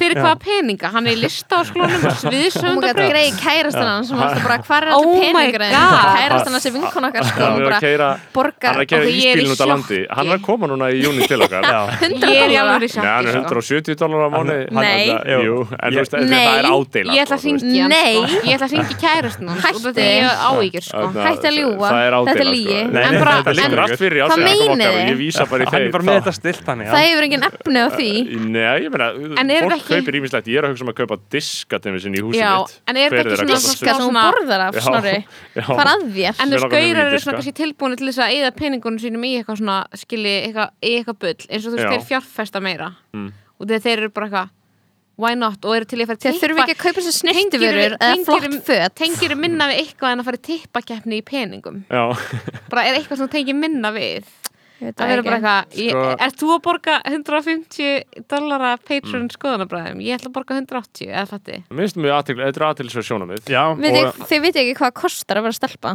Nei, Þið hafið ekki farið og keift ykkur snirtiförur sko, Nei, ég veit ekkert um það Það er hvernig að vera stelpa. það er Ég veit ekkert ef um þú klárar þitt og ferð í dýrt? búð kaupa eitthvað shit sem þú notar á hverjum degi veit hvað það er fokkin dýrt? Já. Já. Ég bara svona eitthvað það. meik, bara svona lítið bara 30 millilitrar af eitthvað Já. drasli sem verður að setja í andlitið að þér til annars ertu fokkin ljót skilur En það er sem ekki bara myth það Nei, Skincare er ekki bara eitthvað myth nei, ég er að tala um meik skilur, ég er að tala um hana, þessum, til þess að hilja skilur Mhm. húðina hérna mm, það, maskari, Já. púður augskuggar uh, svo kremin sem þú þarft og svo drasli sem þú þarft til þess að þrýfið allt af Mhm. Svo verður ekki ógisleg hárvörur, klippingar. Veit hvað þetta er ógislega dýr. Já, þess ég- vegna getur gaur borgað ykkur 170 dollara á mánuði Já. út af því að það er svona cirka það sem það kostar á mánuði bara svona Já. basic dót. Sko, ekki eins og til að vera alveg Þarna gæla ekki, ég er ekki að taka, sko. ég er ekki að taka að þegar þú fyrir litun og plokkun sem er sem er skvís að gera. vaks, neglur. Uh, þetta getur bara, þú getur bara verið að eyða 50 skall á mánuði easily. Bara í það að bara vera sætt skilur bara vera sætt að skilur sko, Já. ég held, já, gauðra sko, ég ég sé brjálið. já, mjög eðlar eðlar þetta, sko, ég held að þarna, það er uh, svona þróun allan hjá mér sjálfum og vinum mínum að núna svona einhvern veginn uh, fara strákar og kallar að hugsa svona um að kaupa svo, svolítið mikið bara svona kannski græjur og tækni og hluti finnst mér meira, bara eitthvað svona fína hátalara eða sjómvarp eða eitthvað svona svona dót finnst mér vera ef ég ætti að reyna að festa fingur á því hvar út og, og Já, já. til dæmis ramakshjól það er ekta svona Ugh. eitthvað svona, Veistu búin að kaupa þér ég er búin að kaupa veist, þetta snýst bara um þetta snýst bara um eitthvað svona mjög astanlegt cringy dæmi skilu. ég, ég, ég, er búin að hugsa um að köpt mér custom made gullkeðu sko já, ok, mér finnst það alltaf það er Já. skárra en ramagsjál já, já, ramaksjól það er skárra að vera patron fyrir skónabræðir fyrir 300 dollara heldur en að kaupa sér já, þú veist, en, 700 úr krón ramagsjál eins og segja, en, en þú veist, ég meina, þú átt samt að vera þakklót fyrir það að ég hafi skilning á því hvað er astanlegt ég gæti líka verið einn og ekki Brjál, haft hann. þú getur Já. brjálast ég held Vera að bara- Lósi uppfylla þakklandi Já, já, ég, mér finnst það er að Já. sína mér þakklæti sko, og aðra annars, aðra hluti sko, alls konar svona, ég veit hvað ég ætla að segja við þig. Hvað, þegar þú eignaðist kærustu þá hættir að tala við mig er það? já. Ég, og, mér, og þannig að finnst mér svona Það er að iconic stráka get ekki átt stelpu vinkonur og strax svo byrjar með stelpu Já. þá Já, bara já. Delete þá bara já, og ég, þú varst að senda á mig hátt í fjóru sinum á já, viku já, þú hefur eitthvað bull líka, sko, og þú þröngvaðir inn í mitt líf. Þú byrjar að tala við mig upp úr þurru Nei, og það- neytti sko, mig til þess að vera vinkonina Sko, og svo byrjar við með ég- lagsins og, bara sko, droppa mér Ef ég ætti að fara að Oh ef my ég ætti að opinbera samskipt á milli okkar í gegnum árið, þá kemur það örgulega verð út það. mig, þannig ég ger það ekki. Já, nei, ekki en, sko, þú ákveður að bera þetta á torg, en ég, Þetta er náttúrulega mjög fyndið, Lóa, það væri ekki að fyndið ef ég myndi gera þetta líka. Við törum saman kannski fjóru sinum í viku þú veist, eitthvað, skilur ef Já, þú byrjar með hætta. gælu og að- hættir að tala já. við þá myndi ég endanlega snúa baki við ykkur en sko. þú veist, af hverju Ég held að þetta sé bara svona metnaðleysi í samskiptum, þetta er að mörgur leiti bara það, sko. Ég, það, það er ekki bara þú sem ég hætti að tala við, þetta er bara mjög mikið á alls konar fólki, fyrir því samt að séu það flestar stelpur líka stelpur Já, vinkonu ég tala mjög lítið við stelpur núna, ég tala Já, bara... ég geri það líka. droppar ég bara öllu á greiði kæristuna þína Já. bara. Já, bara emotional load bara Já. let's go Eða- Mér líður svo illa. eða, eða tek bara þögglamannin á hana öllum líður illa núna ég tala ekki um neitt en, sko- en, en ég held alltaf ekki algengt á kvöllum með það Jú, Jú, sko jú. þetta er svona essential því við erum bara eitthvað alltaf að tala um eitthvað me too og blili, en þú veist, ég held að svona, það sé svona grunn vandamál í gangi Mm. sem er að, þú veist, strákar einmitt, þú veist, eigi ekki stelpu vinkonur eða þú veist, eða kynin tala ekki þú veist, fatti, Saman sem vinir, skilur saman sem vinir Já. þú veist, En Bara ég, hef nú samt í gegnum tíðina heiðarleika. verið töluvert mikið vinko, nei, vinur st- stelpna. Ég Þú á átt mjög sem þú sefur hjá. Já, en þú veist Við erum sko að halda þess að síðuðum síðuðum sem þannig að ekki leika eitthvað karl feminista Það er mikill minni hluti sem, sem það gildir um Og svo veist, droppar það þegar eignast ég- kærustu. Já. Ég get, en ég meina ég get alveg, veist ég, ég er alveg sammála því að það þarf að kannski liðka fyrir anna, betri samskiptum hvað það að liðka fyrir. Þetta er eitthvað orðprjál hérna sem er, er í gangi hérna. Já, en ég meina þú veist, ég er ekkert einn með þetta og mér finnst það líka eðli, eðli hluta samskipt, sam, samfélaginu. Og ef við ætlum að fara út í það, þá er heldur ekkert raunhæft að kallar og konur tali svona saman eins og þeir eru að fatta sér um, þú veist, það er Víst. bara ég held er að það sé bara eitthvað Nei, þetta er hvað hægt. viljið þið að Nei, gerist, ég held skilur sér basic. Þetta, kallar og konur eru bara alltaf að ríða hvert öðru, skilur, þannig að það er alveg hægt að gera það nei. þetta er, nei, nei, Jú, nei, að það er, mörguleiti, nei. Að Að mestu hvað- meinar Algjörlega ég ekki, bara sko. tengi svo ógislega lítið við það sko. Já, ég veit ekki, ég held að allavega þú veist, ef við förum aftur inn í sömu tölfræði hugsun á útlendingastofnun, skilur að Já. þá eru 95% sammála mér núna ég veit það, en ég er að segja að það 5% sé eru- vandamáli sko. Já, það sé svona essential vandamáli Já, já, sko. ég, ég, bara virðingin skilur Já. bara það að, að þú veist ég, bara ég geti skilið stráka Mhm. og stráka geti skilið konur skilur Já. og bara ég á bara í fyrst skipti vini sem að þú veist, bara ringi í þegar maður liður illa og bara, Já. þú veist, eins og vinkonur skilur já. og en það er líka reyndar allt strákar sem eiga kærustur.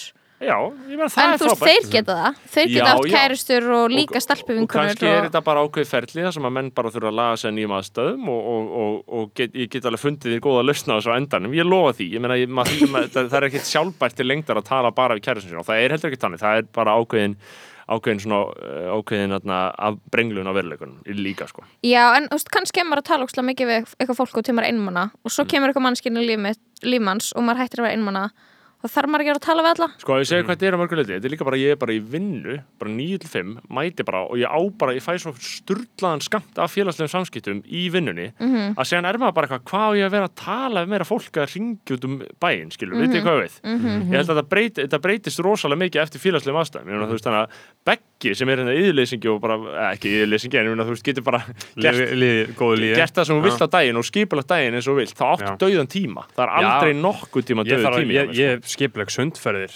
skilur þannig að ég fái eitthvað félagslegt út af þeim Já. og svona þarf að kíkja hinga Já. og svona, þú veist, checka á þarna og Þannig ég býð tveim gaurum heimtímin og horfum á mynd skilur, Já. þú veist. Eins og ég og pappa Ég- vorum að segja við Begga í gær það er ekki lægi að vera þrý gauður heima og einu gauður að horfa á mynd.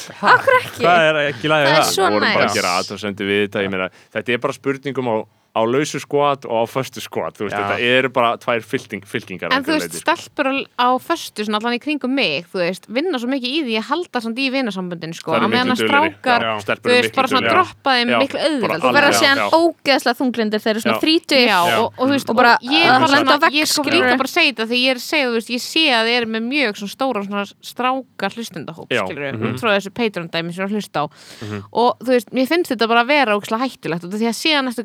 Mhm. er á og þú veist, mér finnst þetta bara að vera ógislega hættulegt og því að síðan næstu kannski bara eitthvað 50 og konaðinn skilur við þig og þú átt enga, ekki eins og stráka við eftir sem út náinn, skilur þú ert ekki eins og búin að tala við stráka um eitthvað hvernig þið líður í 20 ár og bara hvað ætlar að gera? Þeir eru að líða miklu verð og konan- Já, og svo, þá var bara fara í- konaðin að fara að skilja við það þú nennir Já. ekki lengur að vera sálfræðingur þinn líka Mhm. og, og þá ertu bara eitthvað og hún er í góðum málum af því að hún er búin að halda í vinnarsambandinu Hún er mm konur eru alveg sturlatulega við, að- við að halda samskiptum við aðra konur. Ég, ég er því að sammála þær þurfa að fara út af heimilinu til að segja gefandi samskipti. Já, og því að getur bara ímyndaði bara hugsa um bara karlmenn af bara kynnslóðunum fyrir ofan en okkur mér finnst þetta hjúts Já. bara vandamál bara svona eru svo bara- geðheilsu já, Já, Já, þau já, bara já. geta En ekki sko, talandi um það, við vorum að tala um The Thought Police á hann, um að allir eigi að vera kartfeministar og að vera svo fullum, svona basically krafan um það að allir kartmenn séu ekki sexist, af því að allir kartmenn eru inherently sexist, Já, já. skilur við erum Mhm, búin já, að, já, þú veist, já. við erum alnir upp af ógeðslega kvennfyrlitninga menningu og öll Mhm. okkar viðþorf miðast að því að hata konur,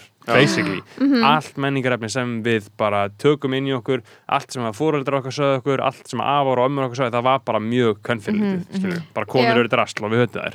Voru í rauninni skilabúin sem var búin að fá á sig. Og mismikið, menna, þú veist ég var að hlusta á rap og horfa á mafjósamyndir skilur, Já. þú veist, bara hvað heldur að gerist já, skilur? hva, hvað heldur að gerast, mm -hmm. er maður með mjög kvennfyrirlitin viðþór, ég dæmi konur á allt annan hátt en ég dæmi kallmenn ég horfi á þar á allt annan hátt.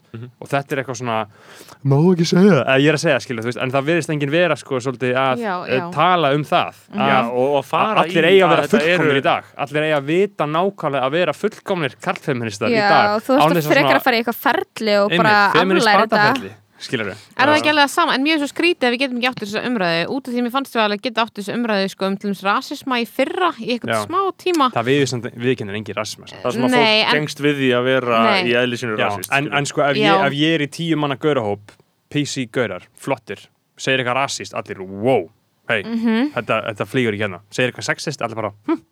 já, já. já. Hvað væri sexist hluti sem fólk gauður að segja? um, Mér er finnst þetta mjög- er mjög margt Eins og hvað? Ah, Það er bara verið að al- kalla al- gælur, möllur og tussur, að það ekki? ekki Smá? meira svona alhæfingar svona þessa, þessa kettlinga eða svona Mér finnst það, þannig komment, mér finnst það algjört eitthvað svona, á ok, vákvæði skrítið og ömulega ófrumlegt, skilur, mér finnst, ekki að þetta sé kettnum að vera frumlegt, en mér finnst, þú veist, þannig komment, svona Já. gömlu búmera svona kettlingar maður, eitthvað svona kettlingar að keira, ég hef ekki Já. húmór fyrir slíkum aðna sexisma, en ég hef alveg húmór Nei. fyrir öðrum sexisma, skilur. Hvaða sexisma, let's go Nei, ég meina, þú Er veist, bara það eins og hún er að segja bara eitthvað, kalla ljó, ljótum nöfnum og eitthvað svona sitt, skilur, það er bara eitthvað sem Já. er ennþá í Já, gangi, bara skilur. gælur sem að eru óþjólandi á netinu. Já, gera grína þeim. Já, já, Já. eitthvað þannig. Já, einmitt, það þú ekki svolítið? Jú, og það er jú, eitthvað sem jú. ég tek þátt í. Já, Já, flott. Nei, það sem, það sem ég held að sé að einhver leiti svona einhver sexismi hjá köllum er þetta. Að, þú veist, þetta, og þetta er auðvitað meira en þið áttu ykkur á sko, en þú veist, um það hvort að við getum undir ofanæði, þá held ég það. Já, við getum bara gert mjög mikið til þess mm veist, það, og það er 100% að gerast hægt og rólega eins og bara til, til marknum það að- svona klassískur aðna everyday sexism, svona einhver óáhugaverður kallarembu, eitthvað svona, þá er ég Já. bara eitthvað En ég, ég, ég ég er aðalega að hugsa svona uh, í mínu eigin svona hefðun, hvernig ég bara svona horfi á fólk og hvernig ég dæmi það og hvernig ég horfi á eins og bara gaurar, ég bara náttúrulega you're fucking king, skilur Já, já. bara ekki svona Já. Þið finnst. Svona- allir vera king já, ekki? já, svona fullóði gaurar sem ég kannski líti upp til, skilur Mhm. það er eiginlega konur konur sem ég líti upp til basically einmitt. ekki, þá er það mjög mikið undirtekningaðri En er þetta ekki bara svona, snýst þetta ekki um bara alveg sem rasisma og þú svona stoppir þig í einhverju svona hugsun eða skilur, mér finnst það að vera Jú. svona þegar maður er alveg upp líka til að vera rasisti einmitt og þá þarf maður að vera alltaf að vinda ofan að því þegar Já. maður hugsar eitthvað um einhvern hóp þú veist, maður er að lappa einhver staðar, æ, fatti þú veist, þetta er bara eitthvað svona, þá er maður bara, heyrðu meðvitað, það er búið að Já. Mhm. fræða mig um þetta og ég veit, að, ég veit betur nákvæmlega en ég held að alveg saman, ég held að þú veist það vanti einhvern veginn svona einhverja vitundavakning á meðal þessu hóps, af því þú veist, í fyrra voru mitt eitthvað svona, hversu mikið sem bara eitthvað hvítar, þú veist, konur, sko, eru rasistar, skilji, Já.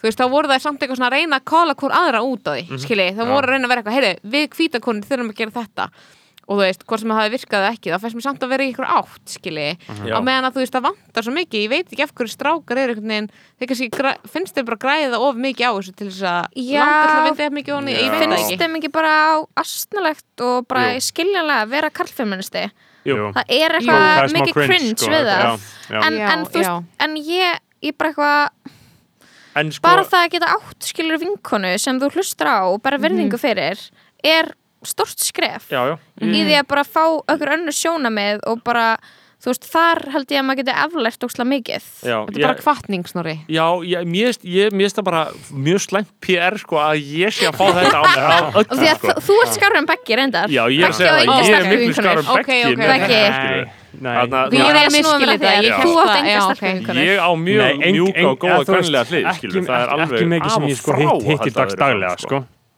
Ég bara viðkynni það alveg. Hlutinir hafa bara ekslast þannig. Já, Já. já, En, en þú, hefur bara, það hefur bara líka verið val. Ég, nei, nei, þetta er bara félagsmótun, skilur Kallmenn Já. eru samt skáriðið haldið en þess að ég timmis eins og ég það bara í þessu þarna, uh, þessari umræðu núna bara undanfattamánu, í þessu MeToo dæmi þá hafa mennalega bara sest niður og bara verið líka bara okkur fyllir í og bara verið virkilega að ræða þetta í þaula um það bara hvað í fjandanum þetta er búið að vera allt saman, skilur og þetta er Hvort að einhverju af okkur sé eitthvað, skilur Já. en þú veist, þó að komi þann þá er þetta líka bara mjög djúpar samræður þó við séum ekki að halda að stopna podcast sem heitir feminista Nei, en mér finnst þannig að mér langar svo ekkert í það, Nei. skilur Mér langar bara einmitt í þetta, skilur eins og í þessari nýju MeToo-bylgi sem við erum alveg búin að tala um með okkar podcasti Mm. bara, mér finnst ég búin að eiga Við mjög erum ekki innihaldsrík samtölu við kallmenn í lífi mínu, það sem að þeir eru bara svona komnir á einhver línu, skilur Já. að einhvern veginn vera bara að koma einhver skilning og áhuga að tala um þetta, sem þau voru kannski ekki með í fyrri bylginni, sko. En svo er bylgjum gerði ekki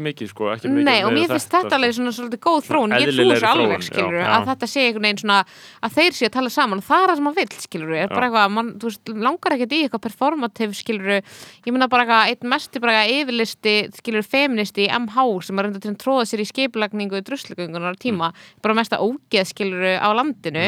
Rapist. og, og rapist, skilur og ég er löngu hægt að trúa á svona performative feminism, skilur Já. þannig að þú veist, þetta er akkurat það sem að einhvern veginn þarf svo mikið, það er bara þessi samtölu á mitti þeirra, ég þarf ekki að vera að hluta þeim. Bara það sem núll, karlmenn þurfa að gera er að eiga stelpunkunur og nota getnaðavarnir þegar þeir stunda kynlið með konum. Ég heyrði og komi veg fyrir að þeir fá HPV og leghálskrabba megin eða aðra kynnsjúdóma sem það er gera eins þær og við séum með ófrjóa. svona fræðslu fyrir kallmenn Þetta sem er bara líta á svona þetta sem tveir, vettvang ég myndi fyrir segja þetta verður svona tvö léttstu skrefin sem þú getur tekið. Ég heyrði að menn væri ekki að Hætta að sofa hjá konum in the raw, Já. skilur eða hvernig sem Mhm. maður segir það og gera þær óléttar Já. og, og láta það fá kynnsjúdóma Ég, ég, í bara, ég man alvörunni ekki við bara hvernig ég var að tala við en það var einhver að segja það sem var svona mitt bara eitthvað uh, á á fertusaldri sem ég var að ræða við sem var að Mm. segja bara eitthvað þú veist, bara karlar eru núna bara fara á milli og það bara notar engin smokka lengur Nei. þú veist, þetta er bara, það er orðið bara smokkurinn er obsolete bara smokkurinn er bara, því að menn bara fara gera ráð fyrir að það sé pilla eða eitthvað í gangi eða bara ringur eða whatever og Já. bara brund út um allt. það vantar líka Og- og, bara- og stelpan fær sveppasíkingu og bara og veginn og þau- þau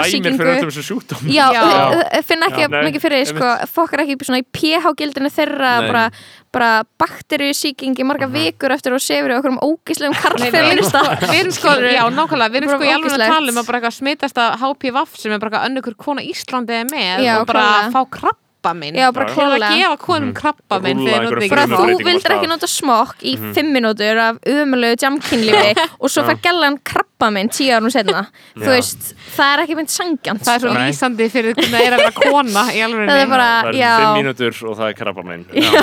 Já. um, já, já, við, Já, já, við höldum áfram að reyna að skilja hvernig það er að vera að vera kona. Við getum alltaf gert betur. Nei, nei, Já. við erum að gera mjög Þið eru að gera góða Við hluti, finnst ykkur ekki að hafa þroskast síðan 2019 frá því byrjuðum er með þetta podcast. Það er allt annað að tala við ykkur Það heldur er ég eiginlega- á fyrsta potinu. Já, það? Já,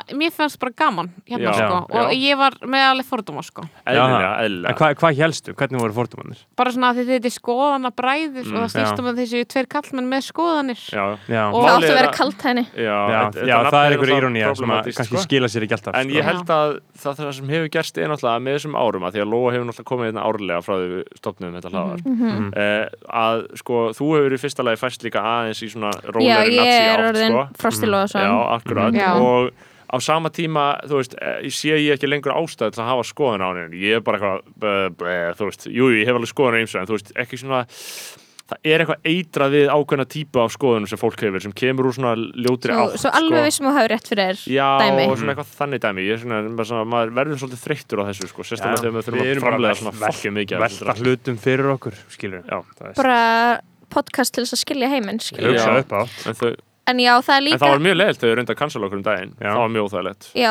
mér leið líka illa á netinu um daginn. Mér leið illa á netinu út af MeToo um Já, daginn. fekk svona vond í magan svona, oh, Já, þú veist, ég var bara eitthvað nöðgara kóari. Já, já, og svo þú veist ég eitthvað neginn að gefa út eitthvað yfirlýsingu sem mér líður eiginlega verri yfir heldur en upprunalega Já. tvítinu mínu. Og það er alltaf þannig út af því að maður, mann finnst eitthvað svo setur eitthvað, eitthvað annan ásetning á það og þá er maður alltaf einu bara orðin eitthvað Mhm. Já, það er bara ókslega leðilegt það er kótur í tvítið og segja já, fyrir stríðum hann á gangi. Bara kótur í tvít og bara Já, það, hún meina þetta. En ég held líka að það sem er búið að gerast skilur bæð, kannski á ykkur, allavega hjá mér er að ég er ekki lengur með eitthvað skoðanir til þess að reyna að sanna eitthvað fyrir ykkur um eða ná mig niðra okkur um eða reyna að búlja eitthvað eða reyna að sína ykkur um hvað ykkur hefur rámt fyrir sér.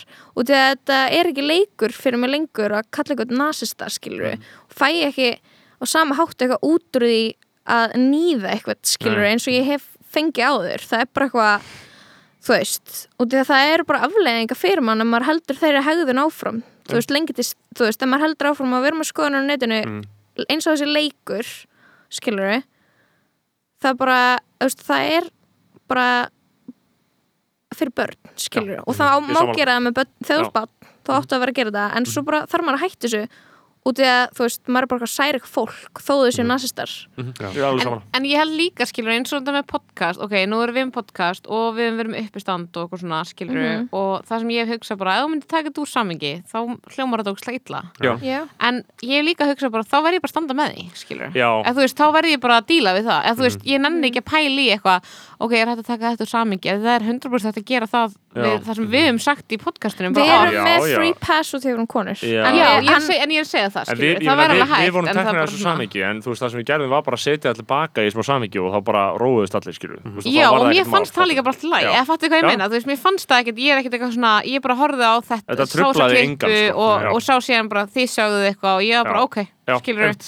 það Bara er einhvern veginn afgreitt. og mér finnst það líka alveg stundum með þetta svona cancelkvöldu dæmi er að svona stundum finnst mér líka alveg svona ég skil hvað fólk er að fara við höfum talað ógíslega mikið um það Mhm. skilur að þú ert alltaf, bara eitthvað að nýða bara fólk sem er, þú veist, sammálaðir Mhm. mm en samt finnst mér þetta cancelkvöldu dæmi alveg að vera bara svona, þú veist, er þetta cancelkvöldur eða er al- alveg bara svona stundum er verið að kalla fólk út og það svarar. Já, og það er alltaf lægi og það Já. er ekkert skilurðu. já Ég, það var það sem gerist hjá okkur, það var ekki að cancela okkur, það var bara að call út, allir að tala saman, rólir, allt Já, gott. já. fínt. nei við cancelum alltaf við gerum alltaf svona eitt scapegoat eða sko, nei, eitt vondakall í öllu. Gerum Gils, núna svolítið Tryggva Harry Weinstein svona, svona eitt sem að þú veist, í eitthvað svona kerfislegum vanda bara þekkja örgulega allir mann sem, eða konu sem, eða mann sem hefur beitt kynfyrirsopildi, ég veit ekki af hverju þurft að segja kona.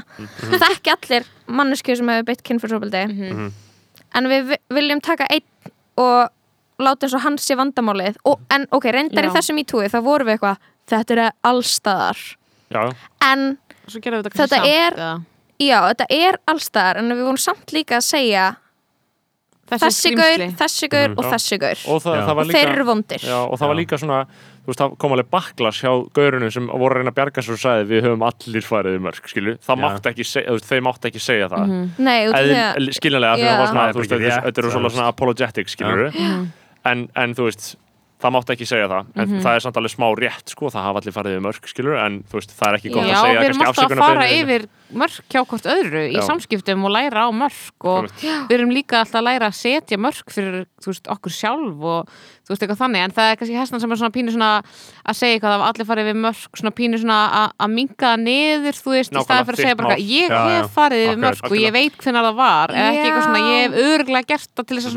ég veit það ekki að baktryggja þig, ég veit það ekki. En þú veist, en svo er líka og er ekki samt líka munur á því að fara við mörk og svo beita ofbeldi? Jú. eða skilur við, það er, það, það er umræða sem við þurfum að stig. það er einhver, einhver umræða sem á eftir að að taka almennlega sko, er að þú veist, það er munur á því Já, veist, ég það er held- ekki það sama. og ofbeldi, þú veist, þannig að völd og þannig að valda ójabæði skiptir mjög miklu máli þar, þú veist kennari getur beitt því ókslega miklu ofbeldi. En svo talar þannig að vinuðin eins við þig og þú veist bara, maður, skilur þau já, og, já. og uh, ég veit ekki, þetta var kannski gott dæmi en þú veist, það er bara alveg rétt, munur að það kemur eitthvað svona þú veist, það kemur eitthvað svona lítil jamrotta sem er skilur búin að vera fullur í 30 ár og eitthvað svona klípur þig. Þú veist eitthvað, þú getur svona gert svona, og svona ítt honum og hann bara svona hrinu niður út í að hann ekki getur ekki neitt, skilur eða eitthvað, þú veist sem að þú treystir algjörlega. gera það sama Mhm. og brýtu, eða þú veist, það er bara þannig að, já, að ég veit það ekki skilur, þetta er bara gett ólíkt. Já. En svo, já. ólíkt samhengi. Já, já, þetta, þetta er ekki vísindi. Þetta er erfitt við erum að- búin að tala alltaf mikið hérna. hvað eru við búin að tala lengi? tvo klukkutíma og átta mínútur. Já, Já. sé ég. ok, Heyrðu, living. Þú ætla heim og horfa á Bara Silicon Valley. golden standard Já. hérna í Algjörlega, Takk fyrir að koma, það er mjög mjög takk gaman fyrir komin, þetta var æðislegt. uh, Var þetta leðilegt? Nei, mér mjög Nei, bara þetta var bara helvíti fullkomið. þægilegar umræður Já. Fyrstu hvað það ekki? Mér finnst það ekki leðilegt Nei, mér ástæð þetta bara skára margt annað. Já, Ég kom þér og Kæru það var gaman. Já, það, var, hérna- það var gaman. Þetta voru, Í voru góðar ára fáðu ykkur Patreon í síman hlustendur og sko fáðu ykkur bæði uh, fyrsta Já. lagi skoðanabræður og svo aðtilspresta betur. Það væri bara Win-win. Hlustum á konur. Hlustum á konur. girl Hashtag bosses. listen. vinkonur og syngið í vinkonur ykkar og ekki reyna að ríða þeim. Heyrðu við Já.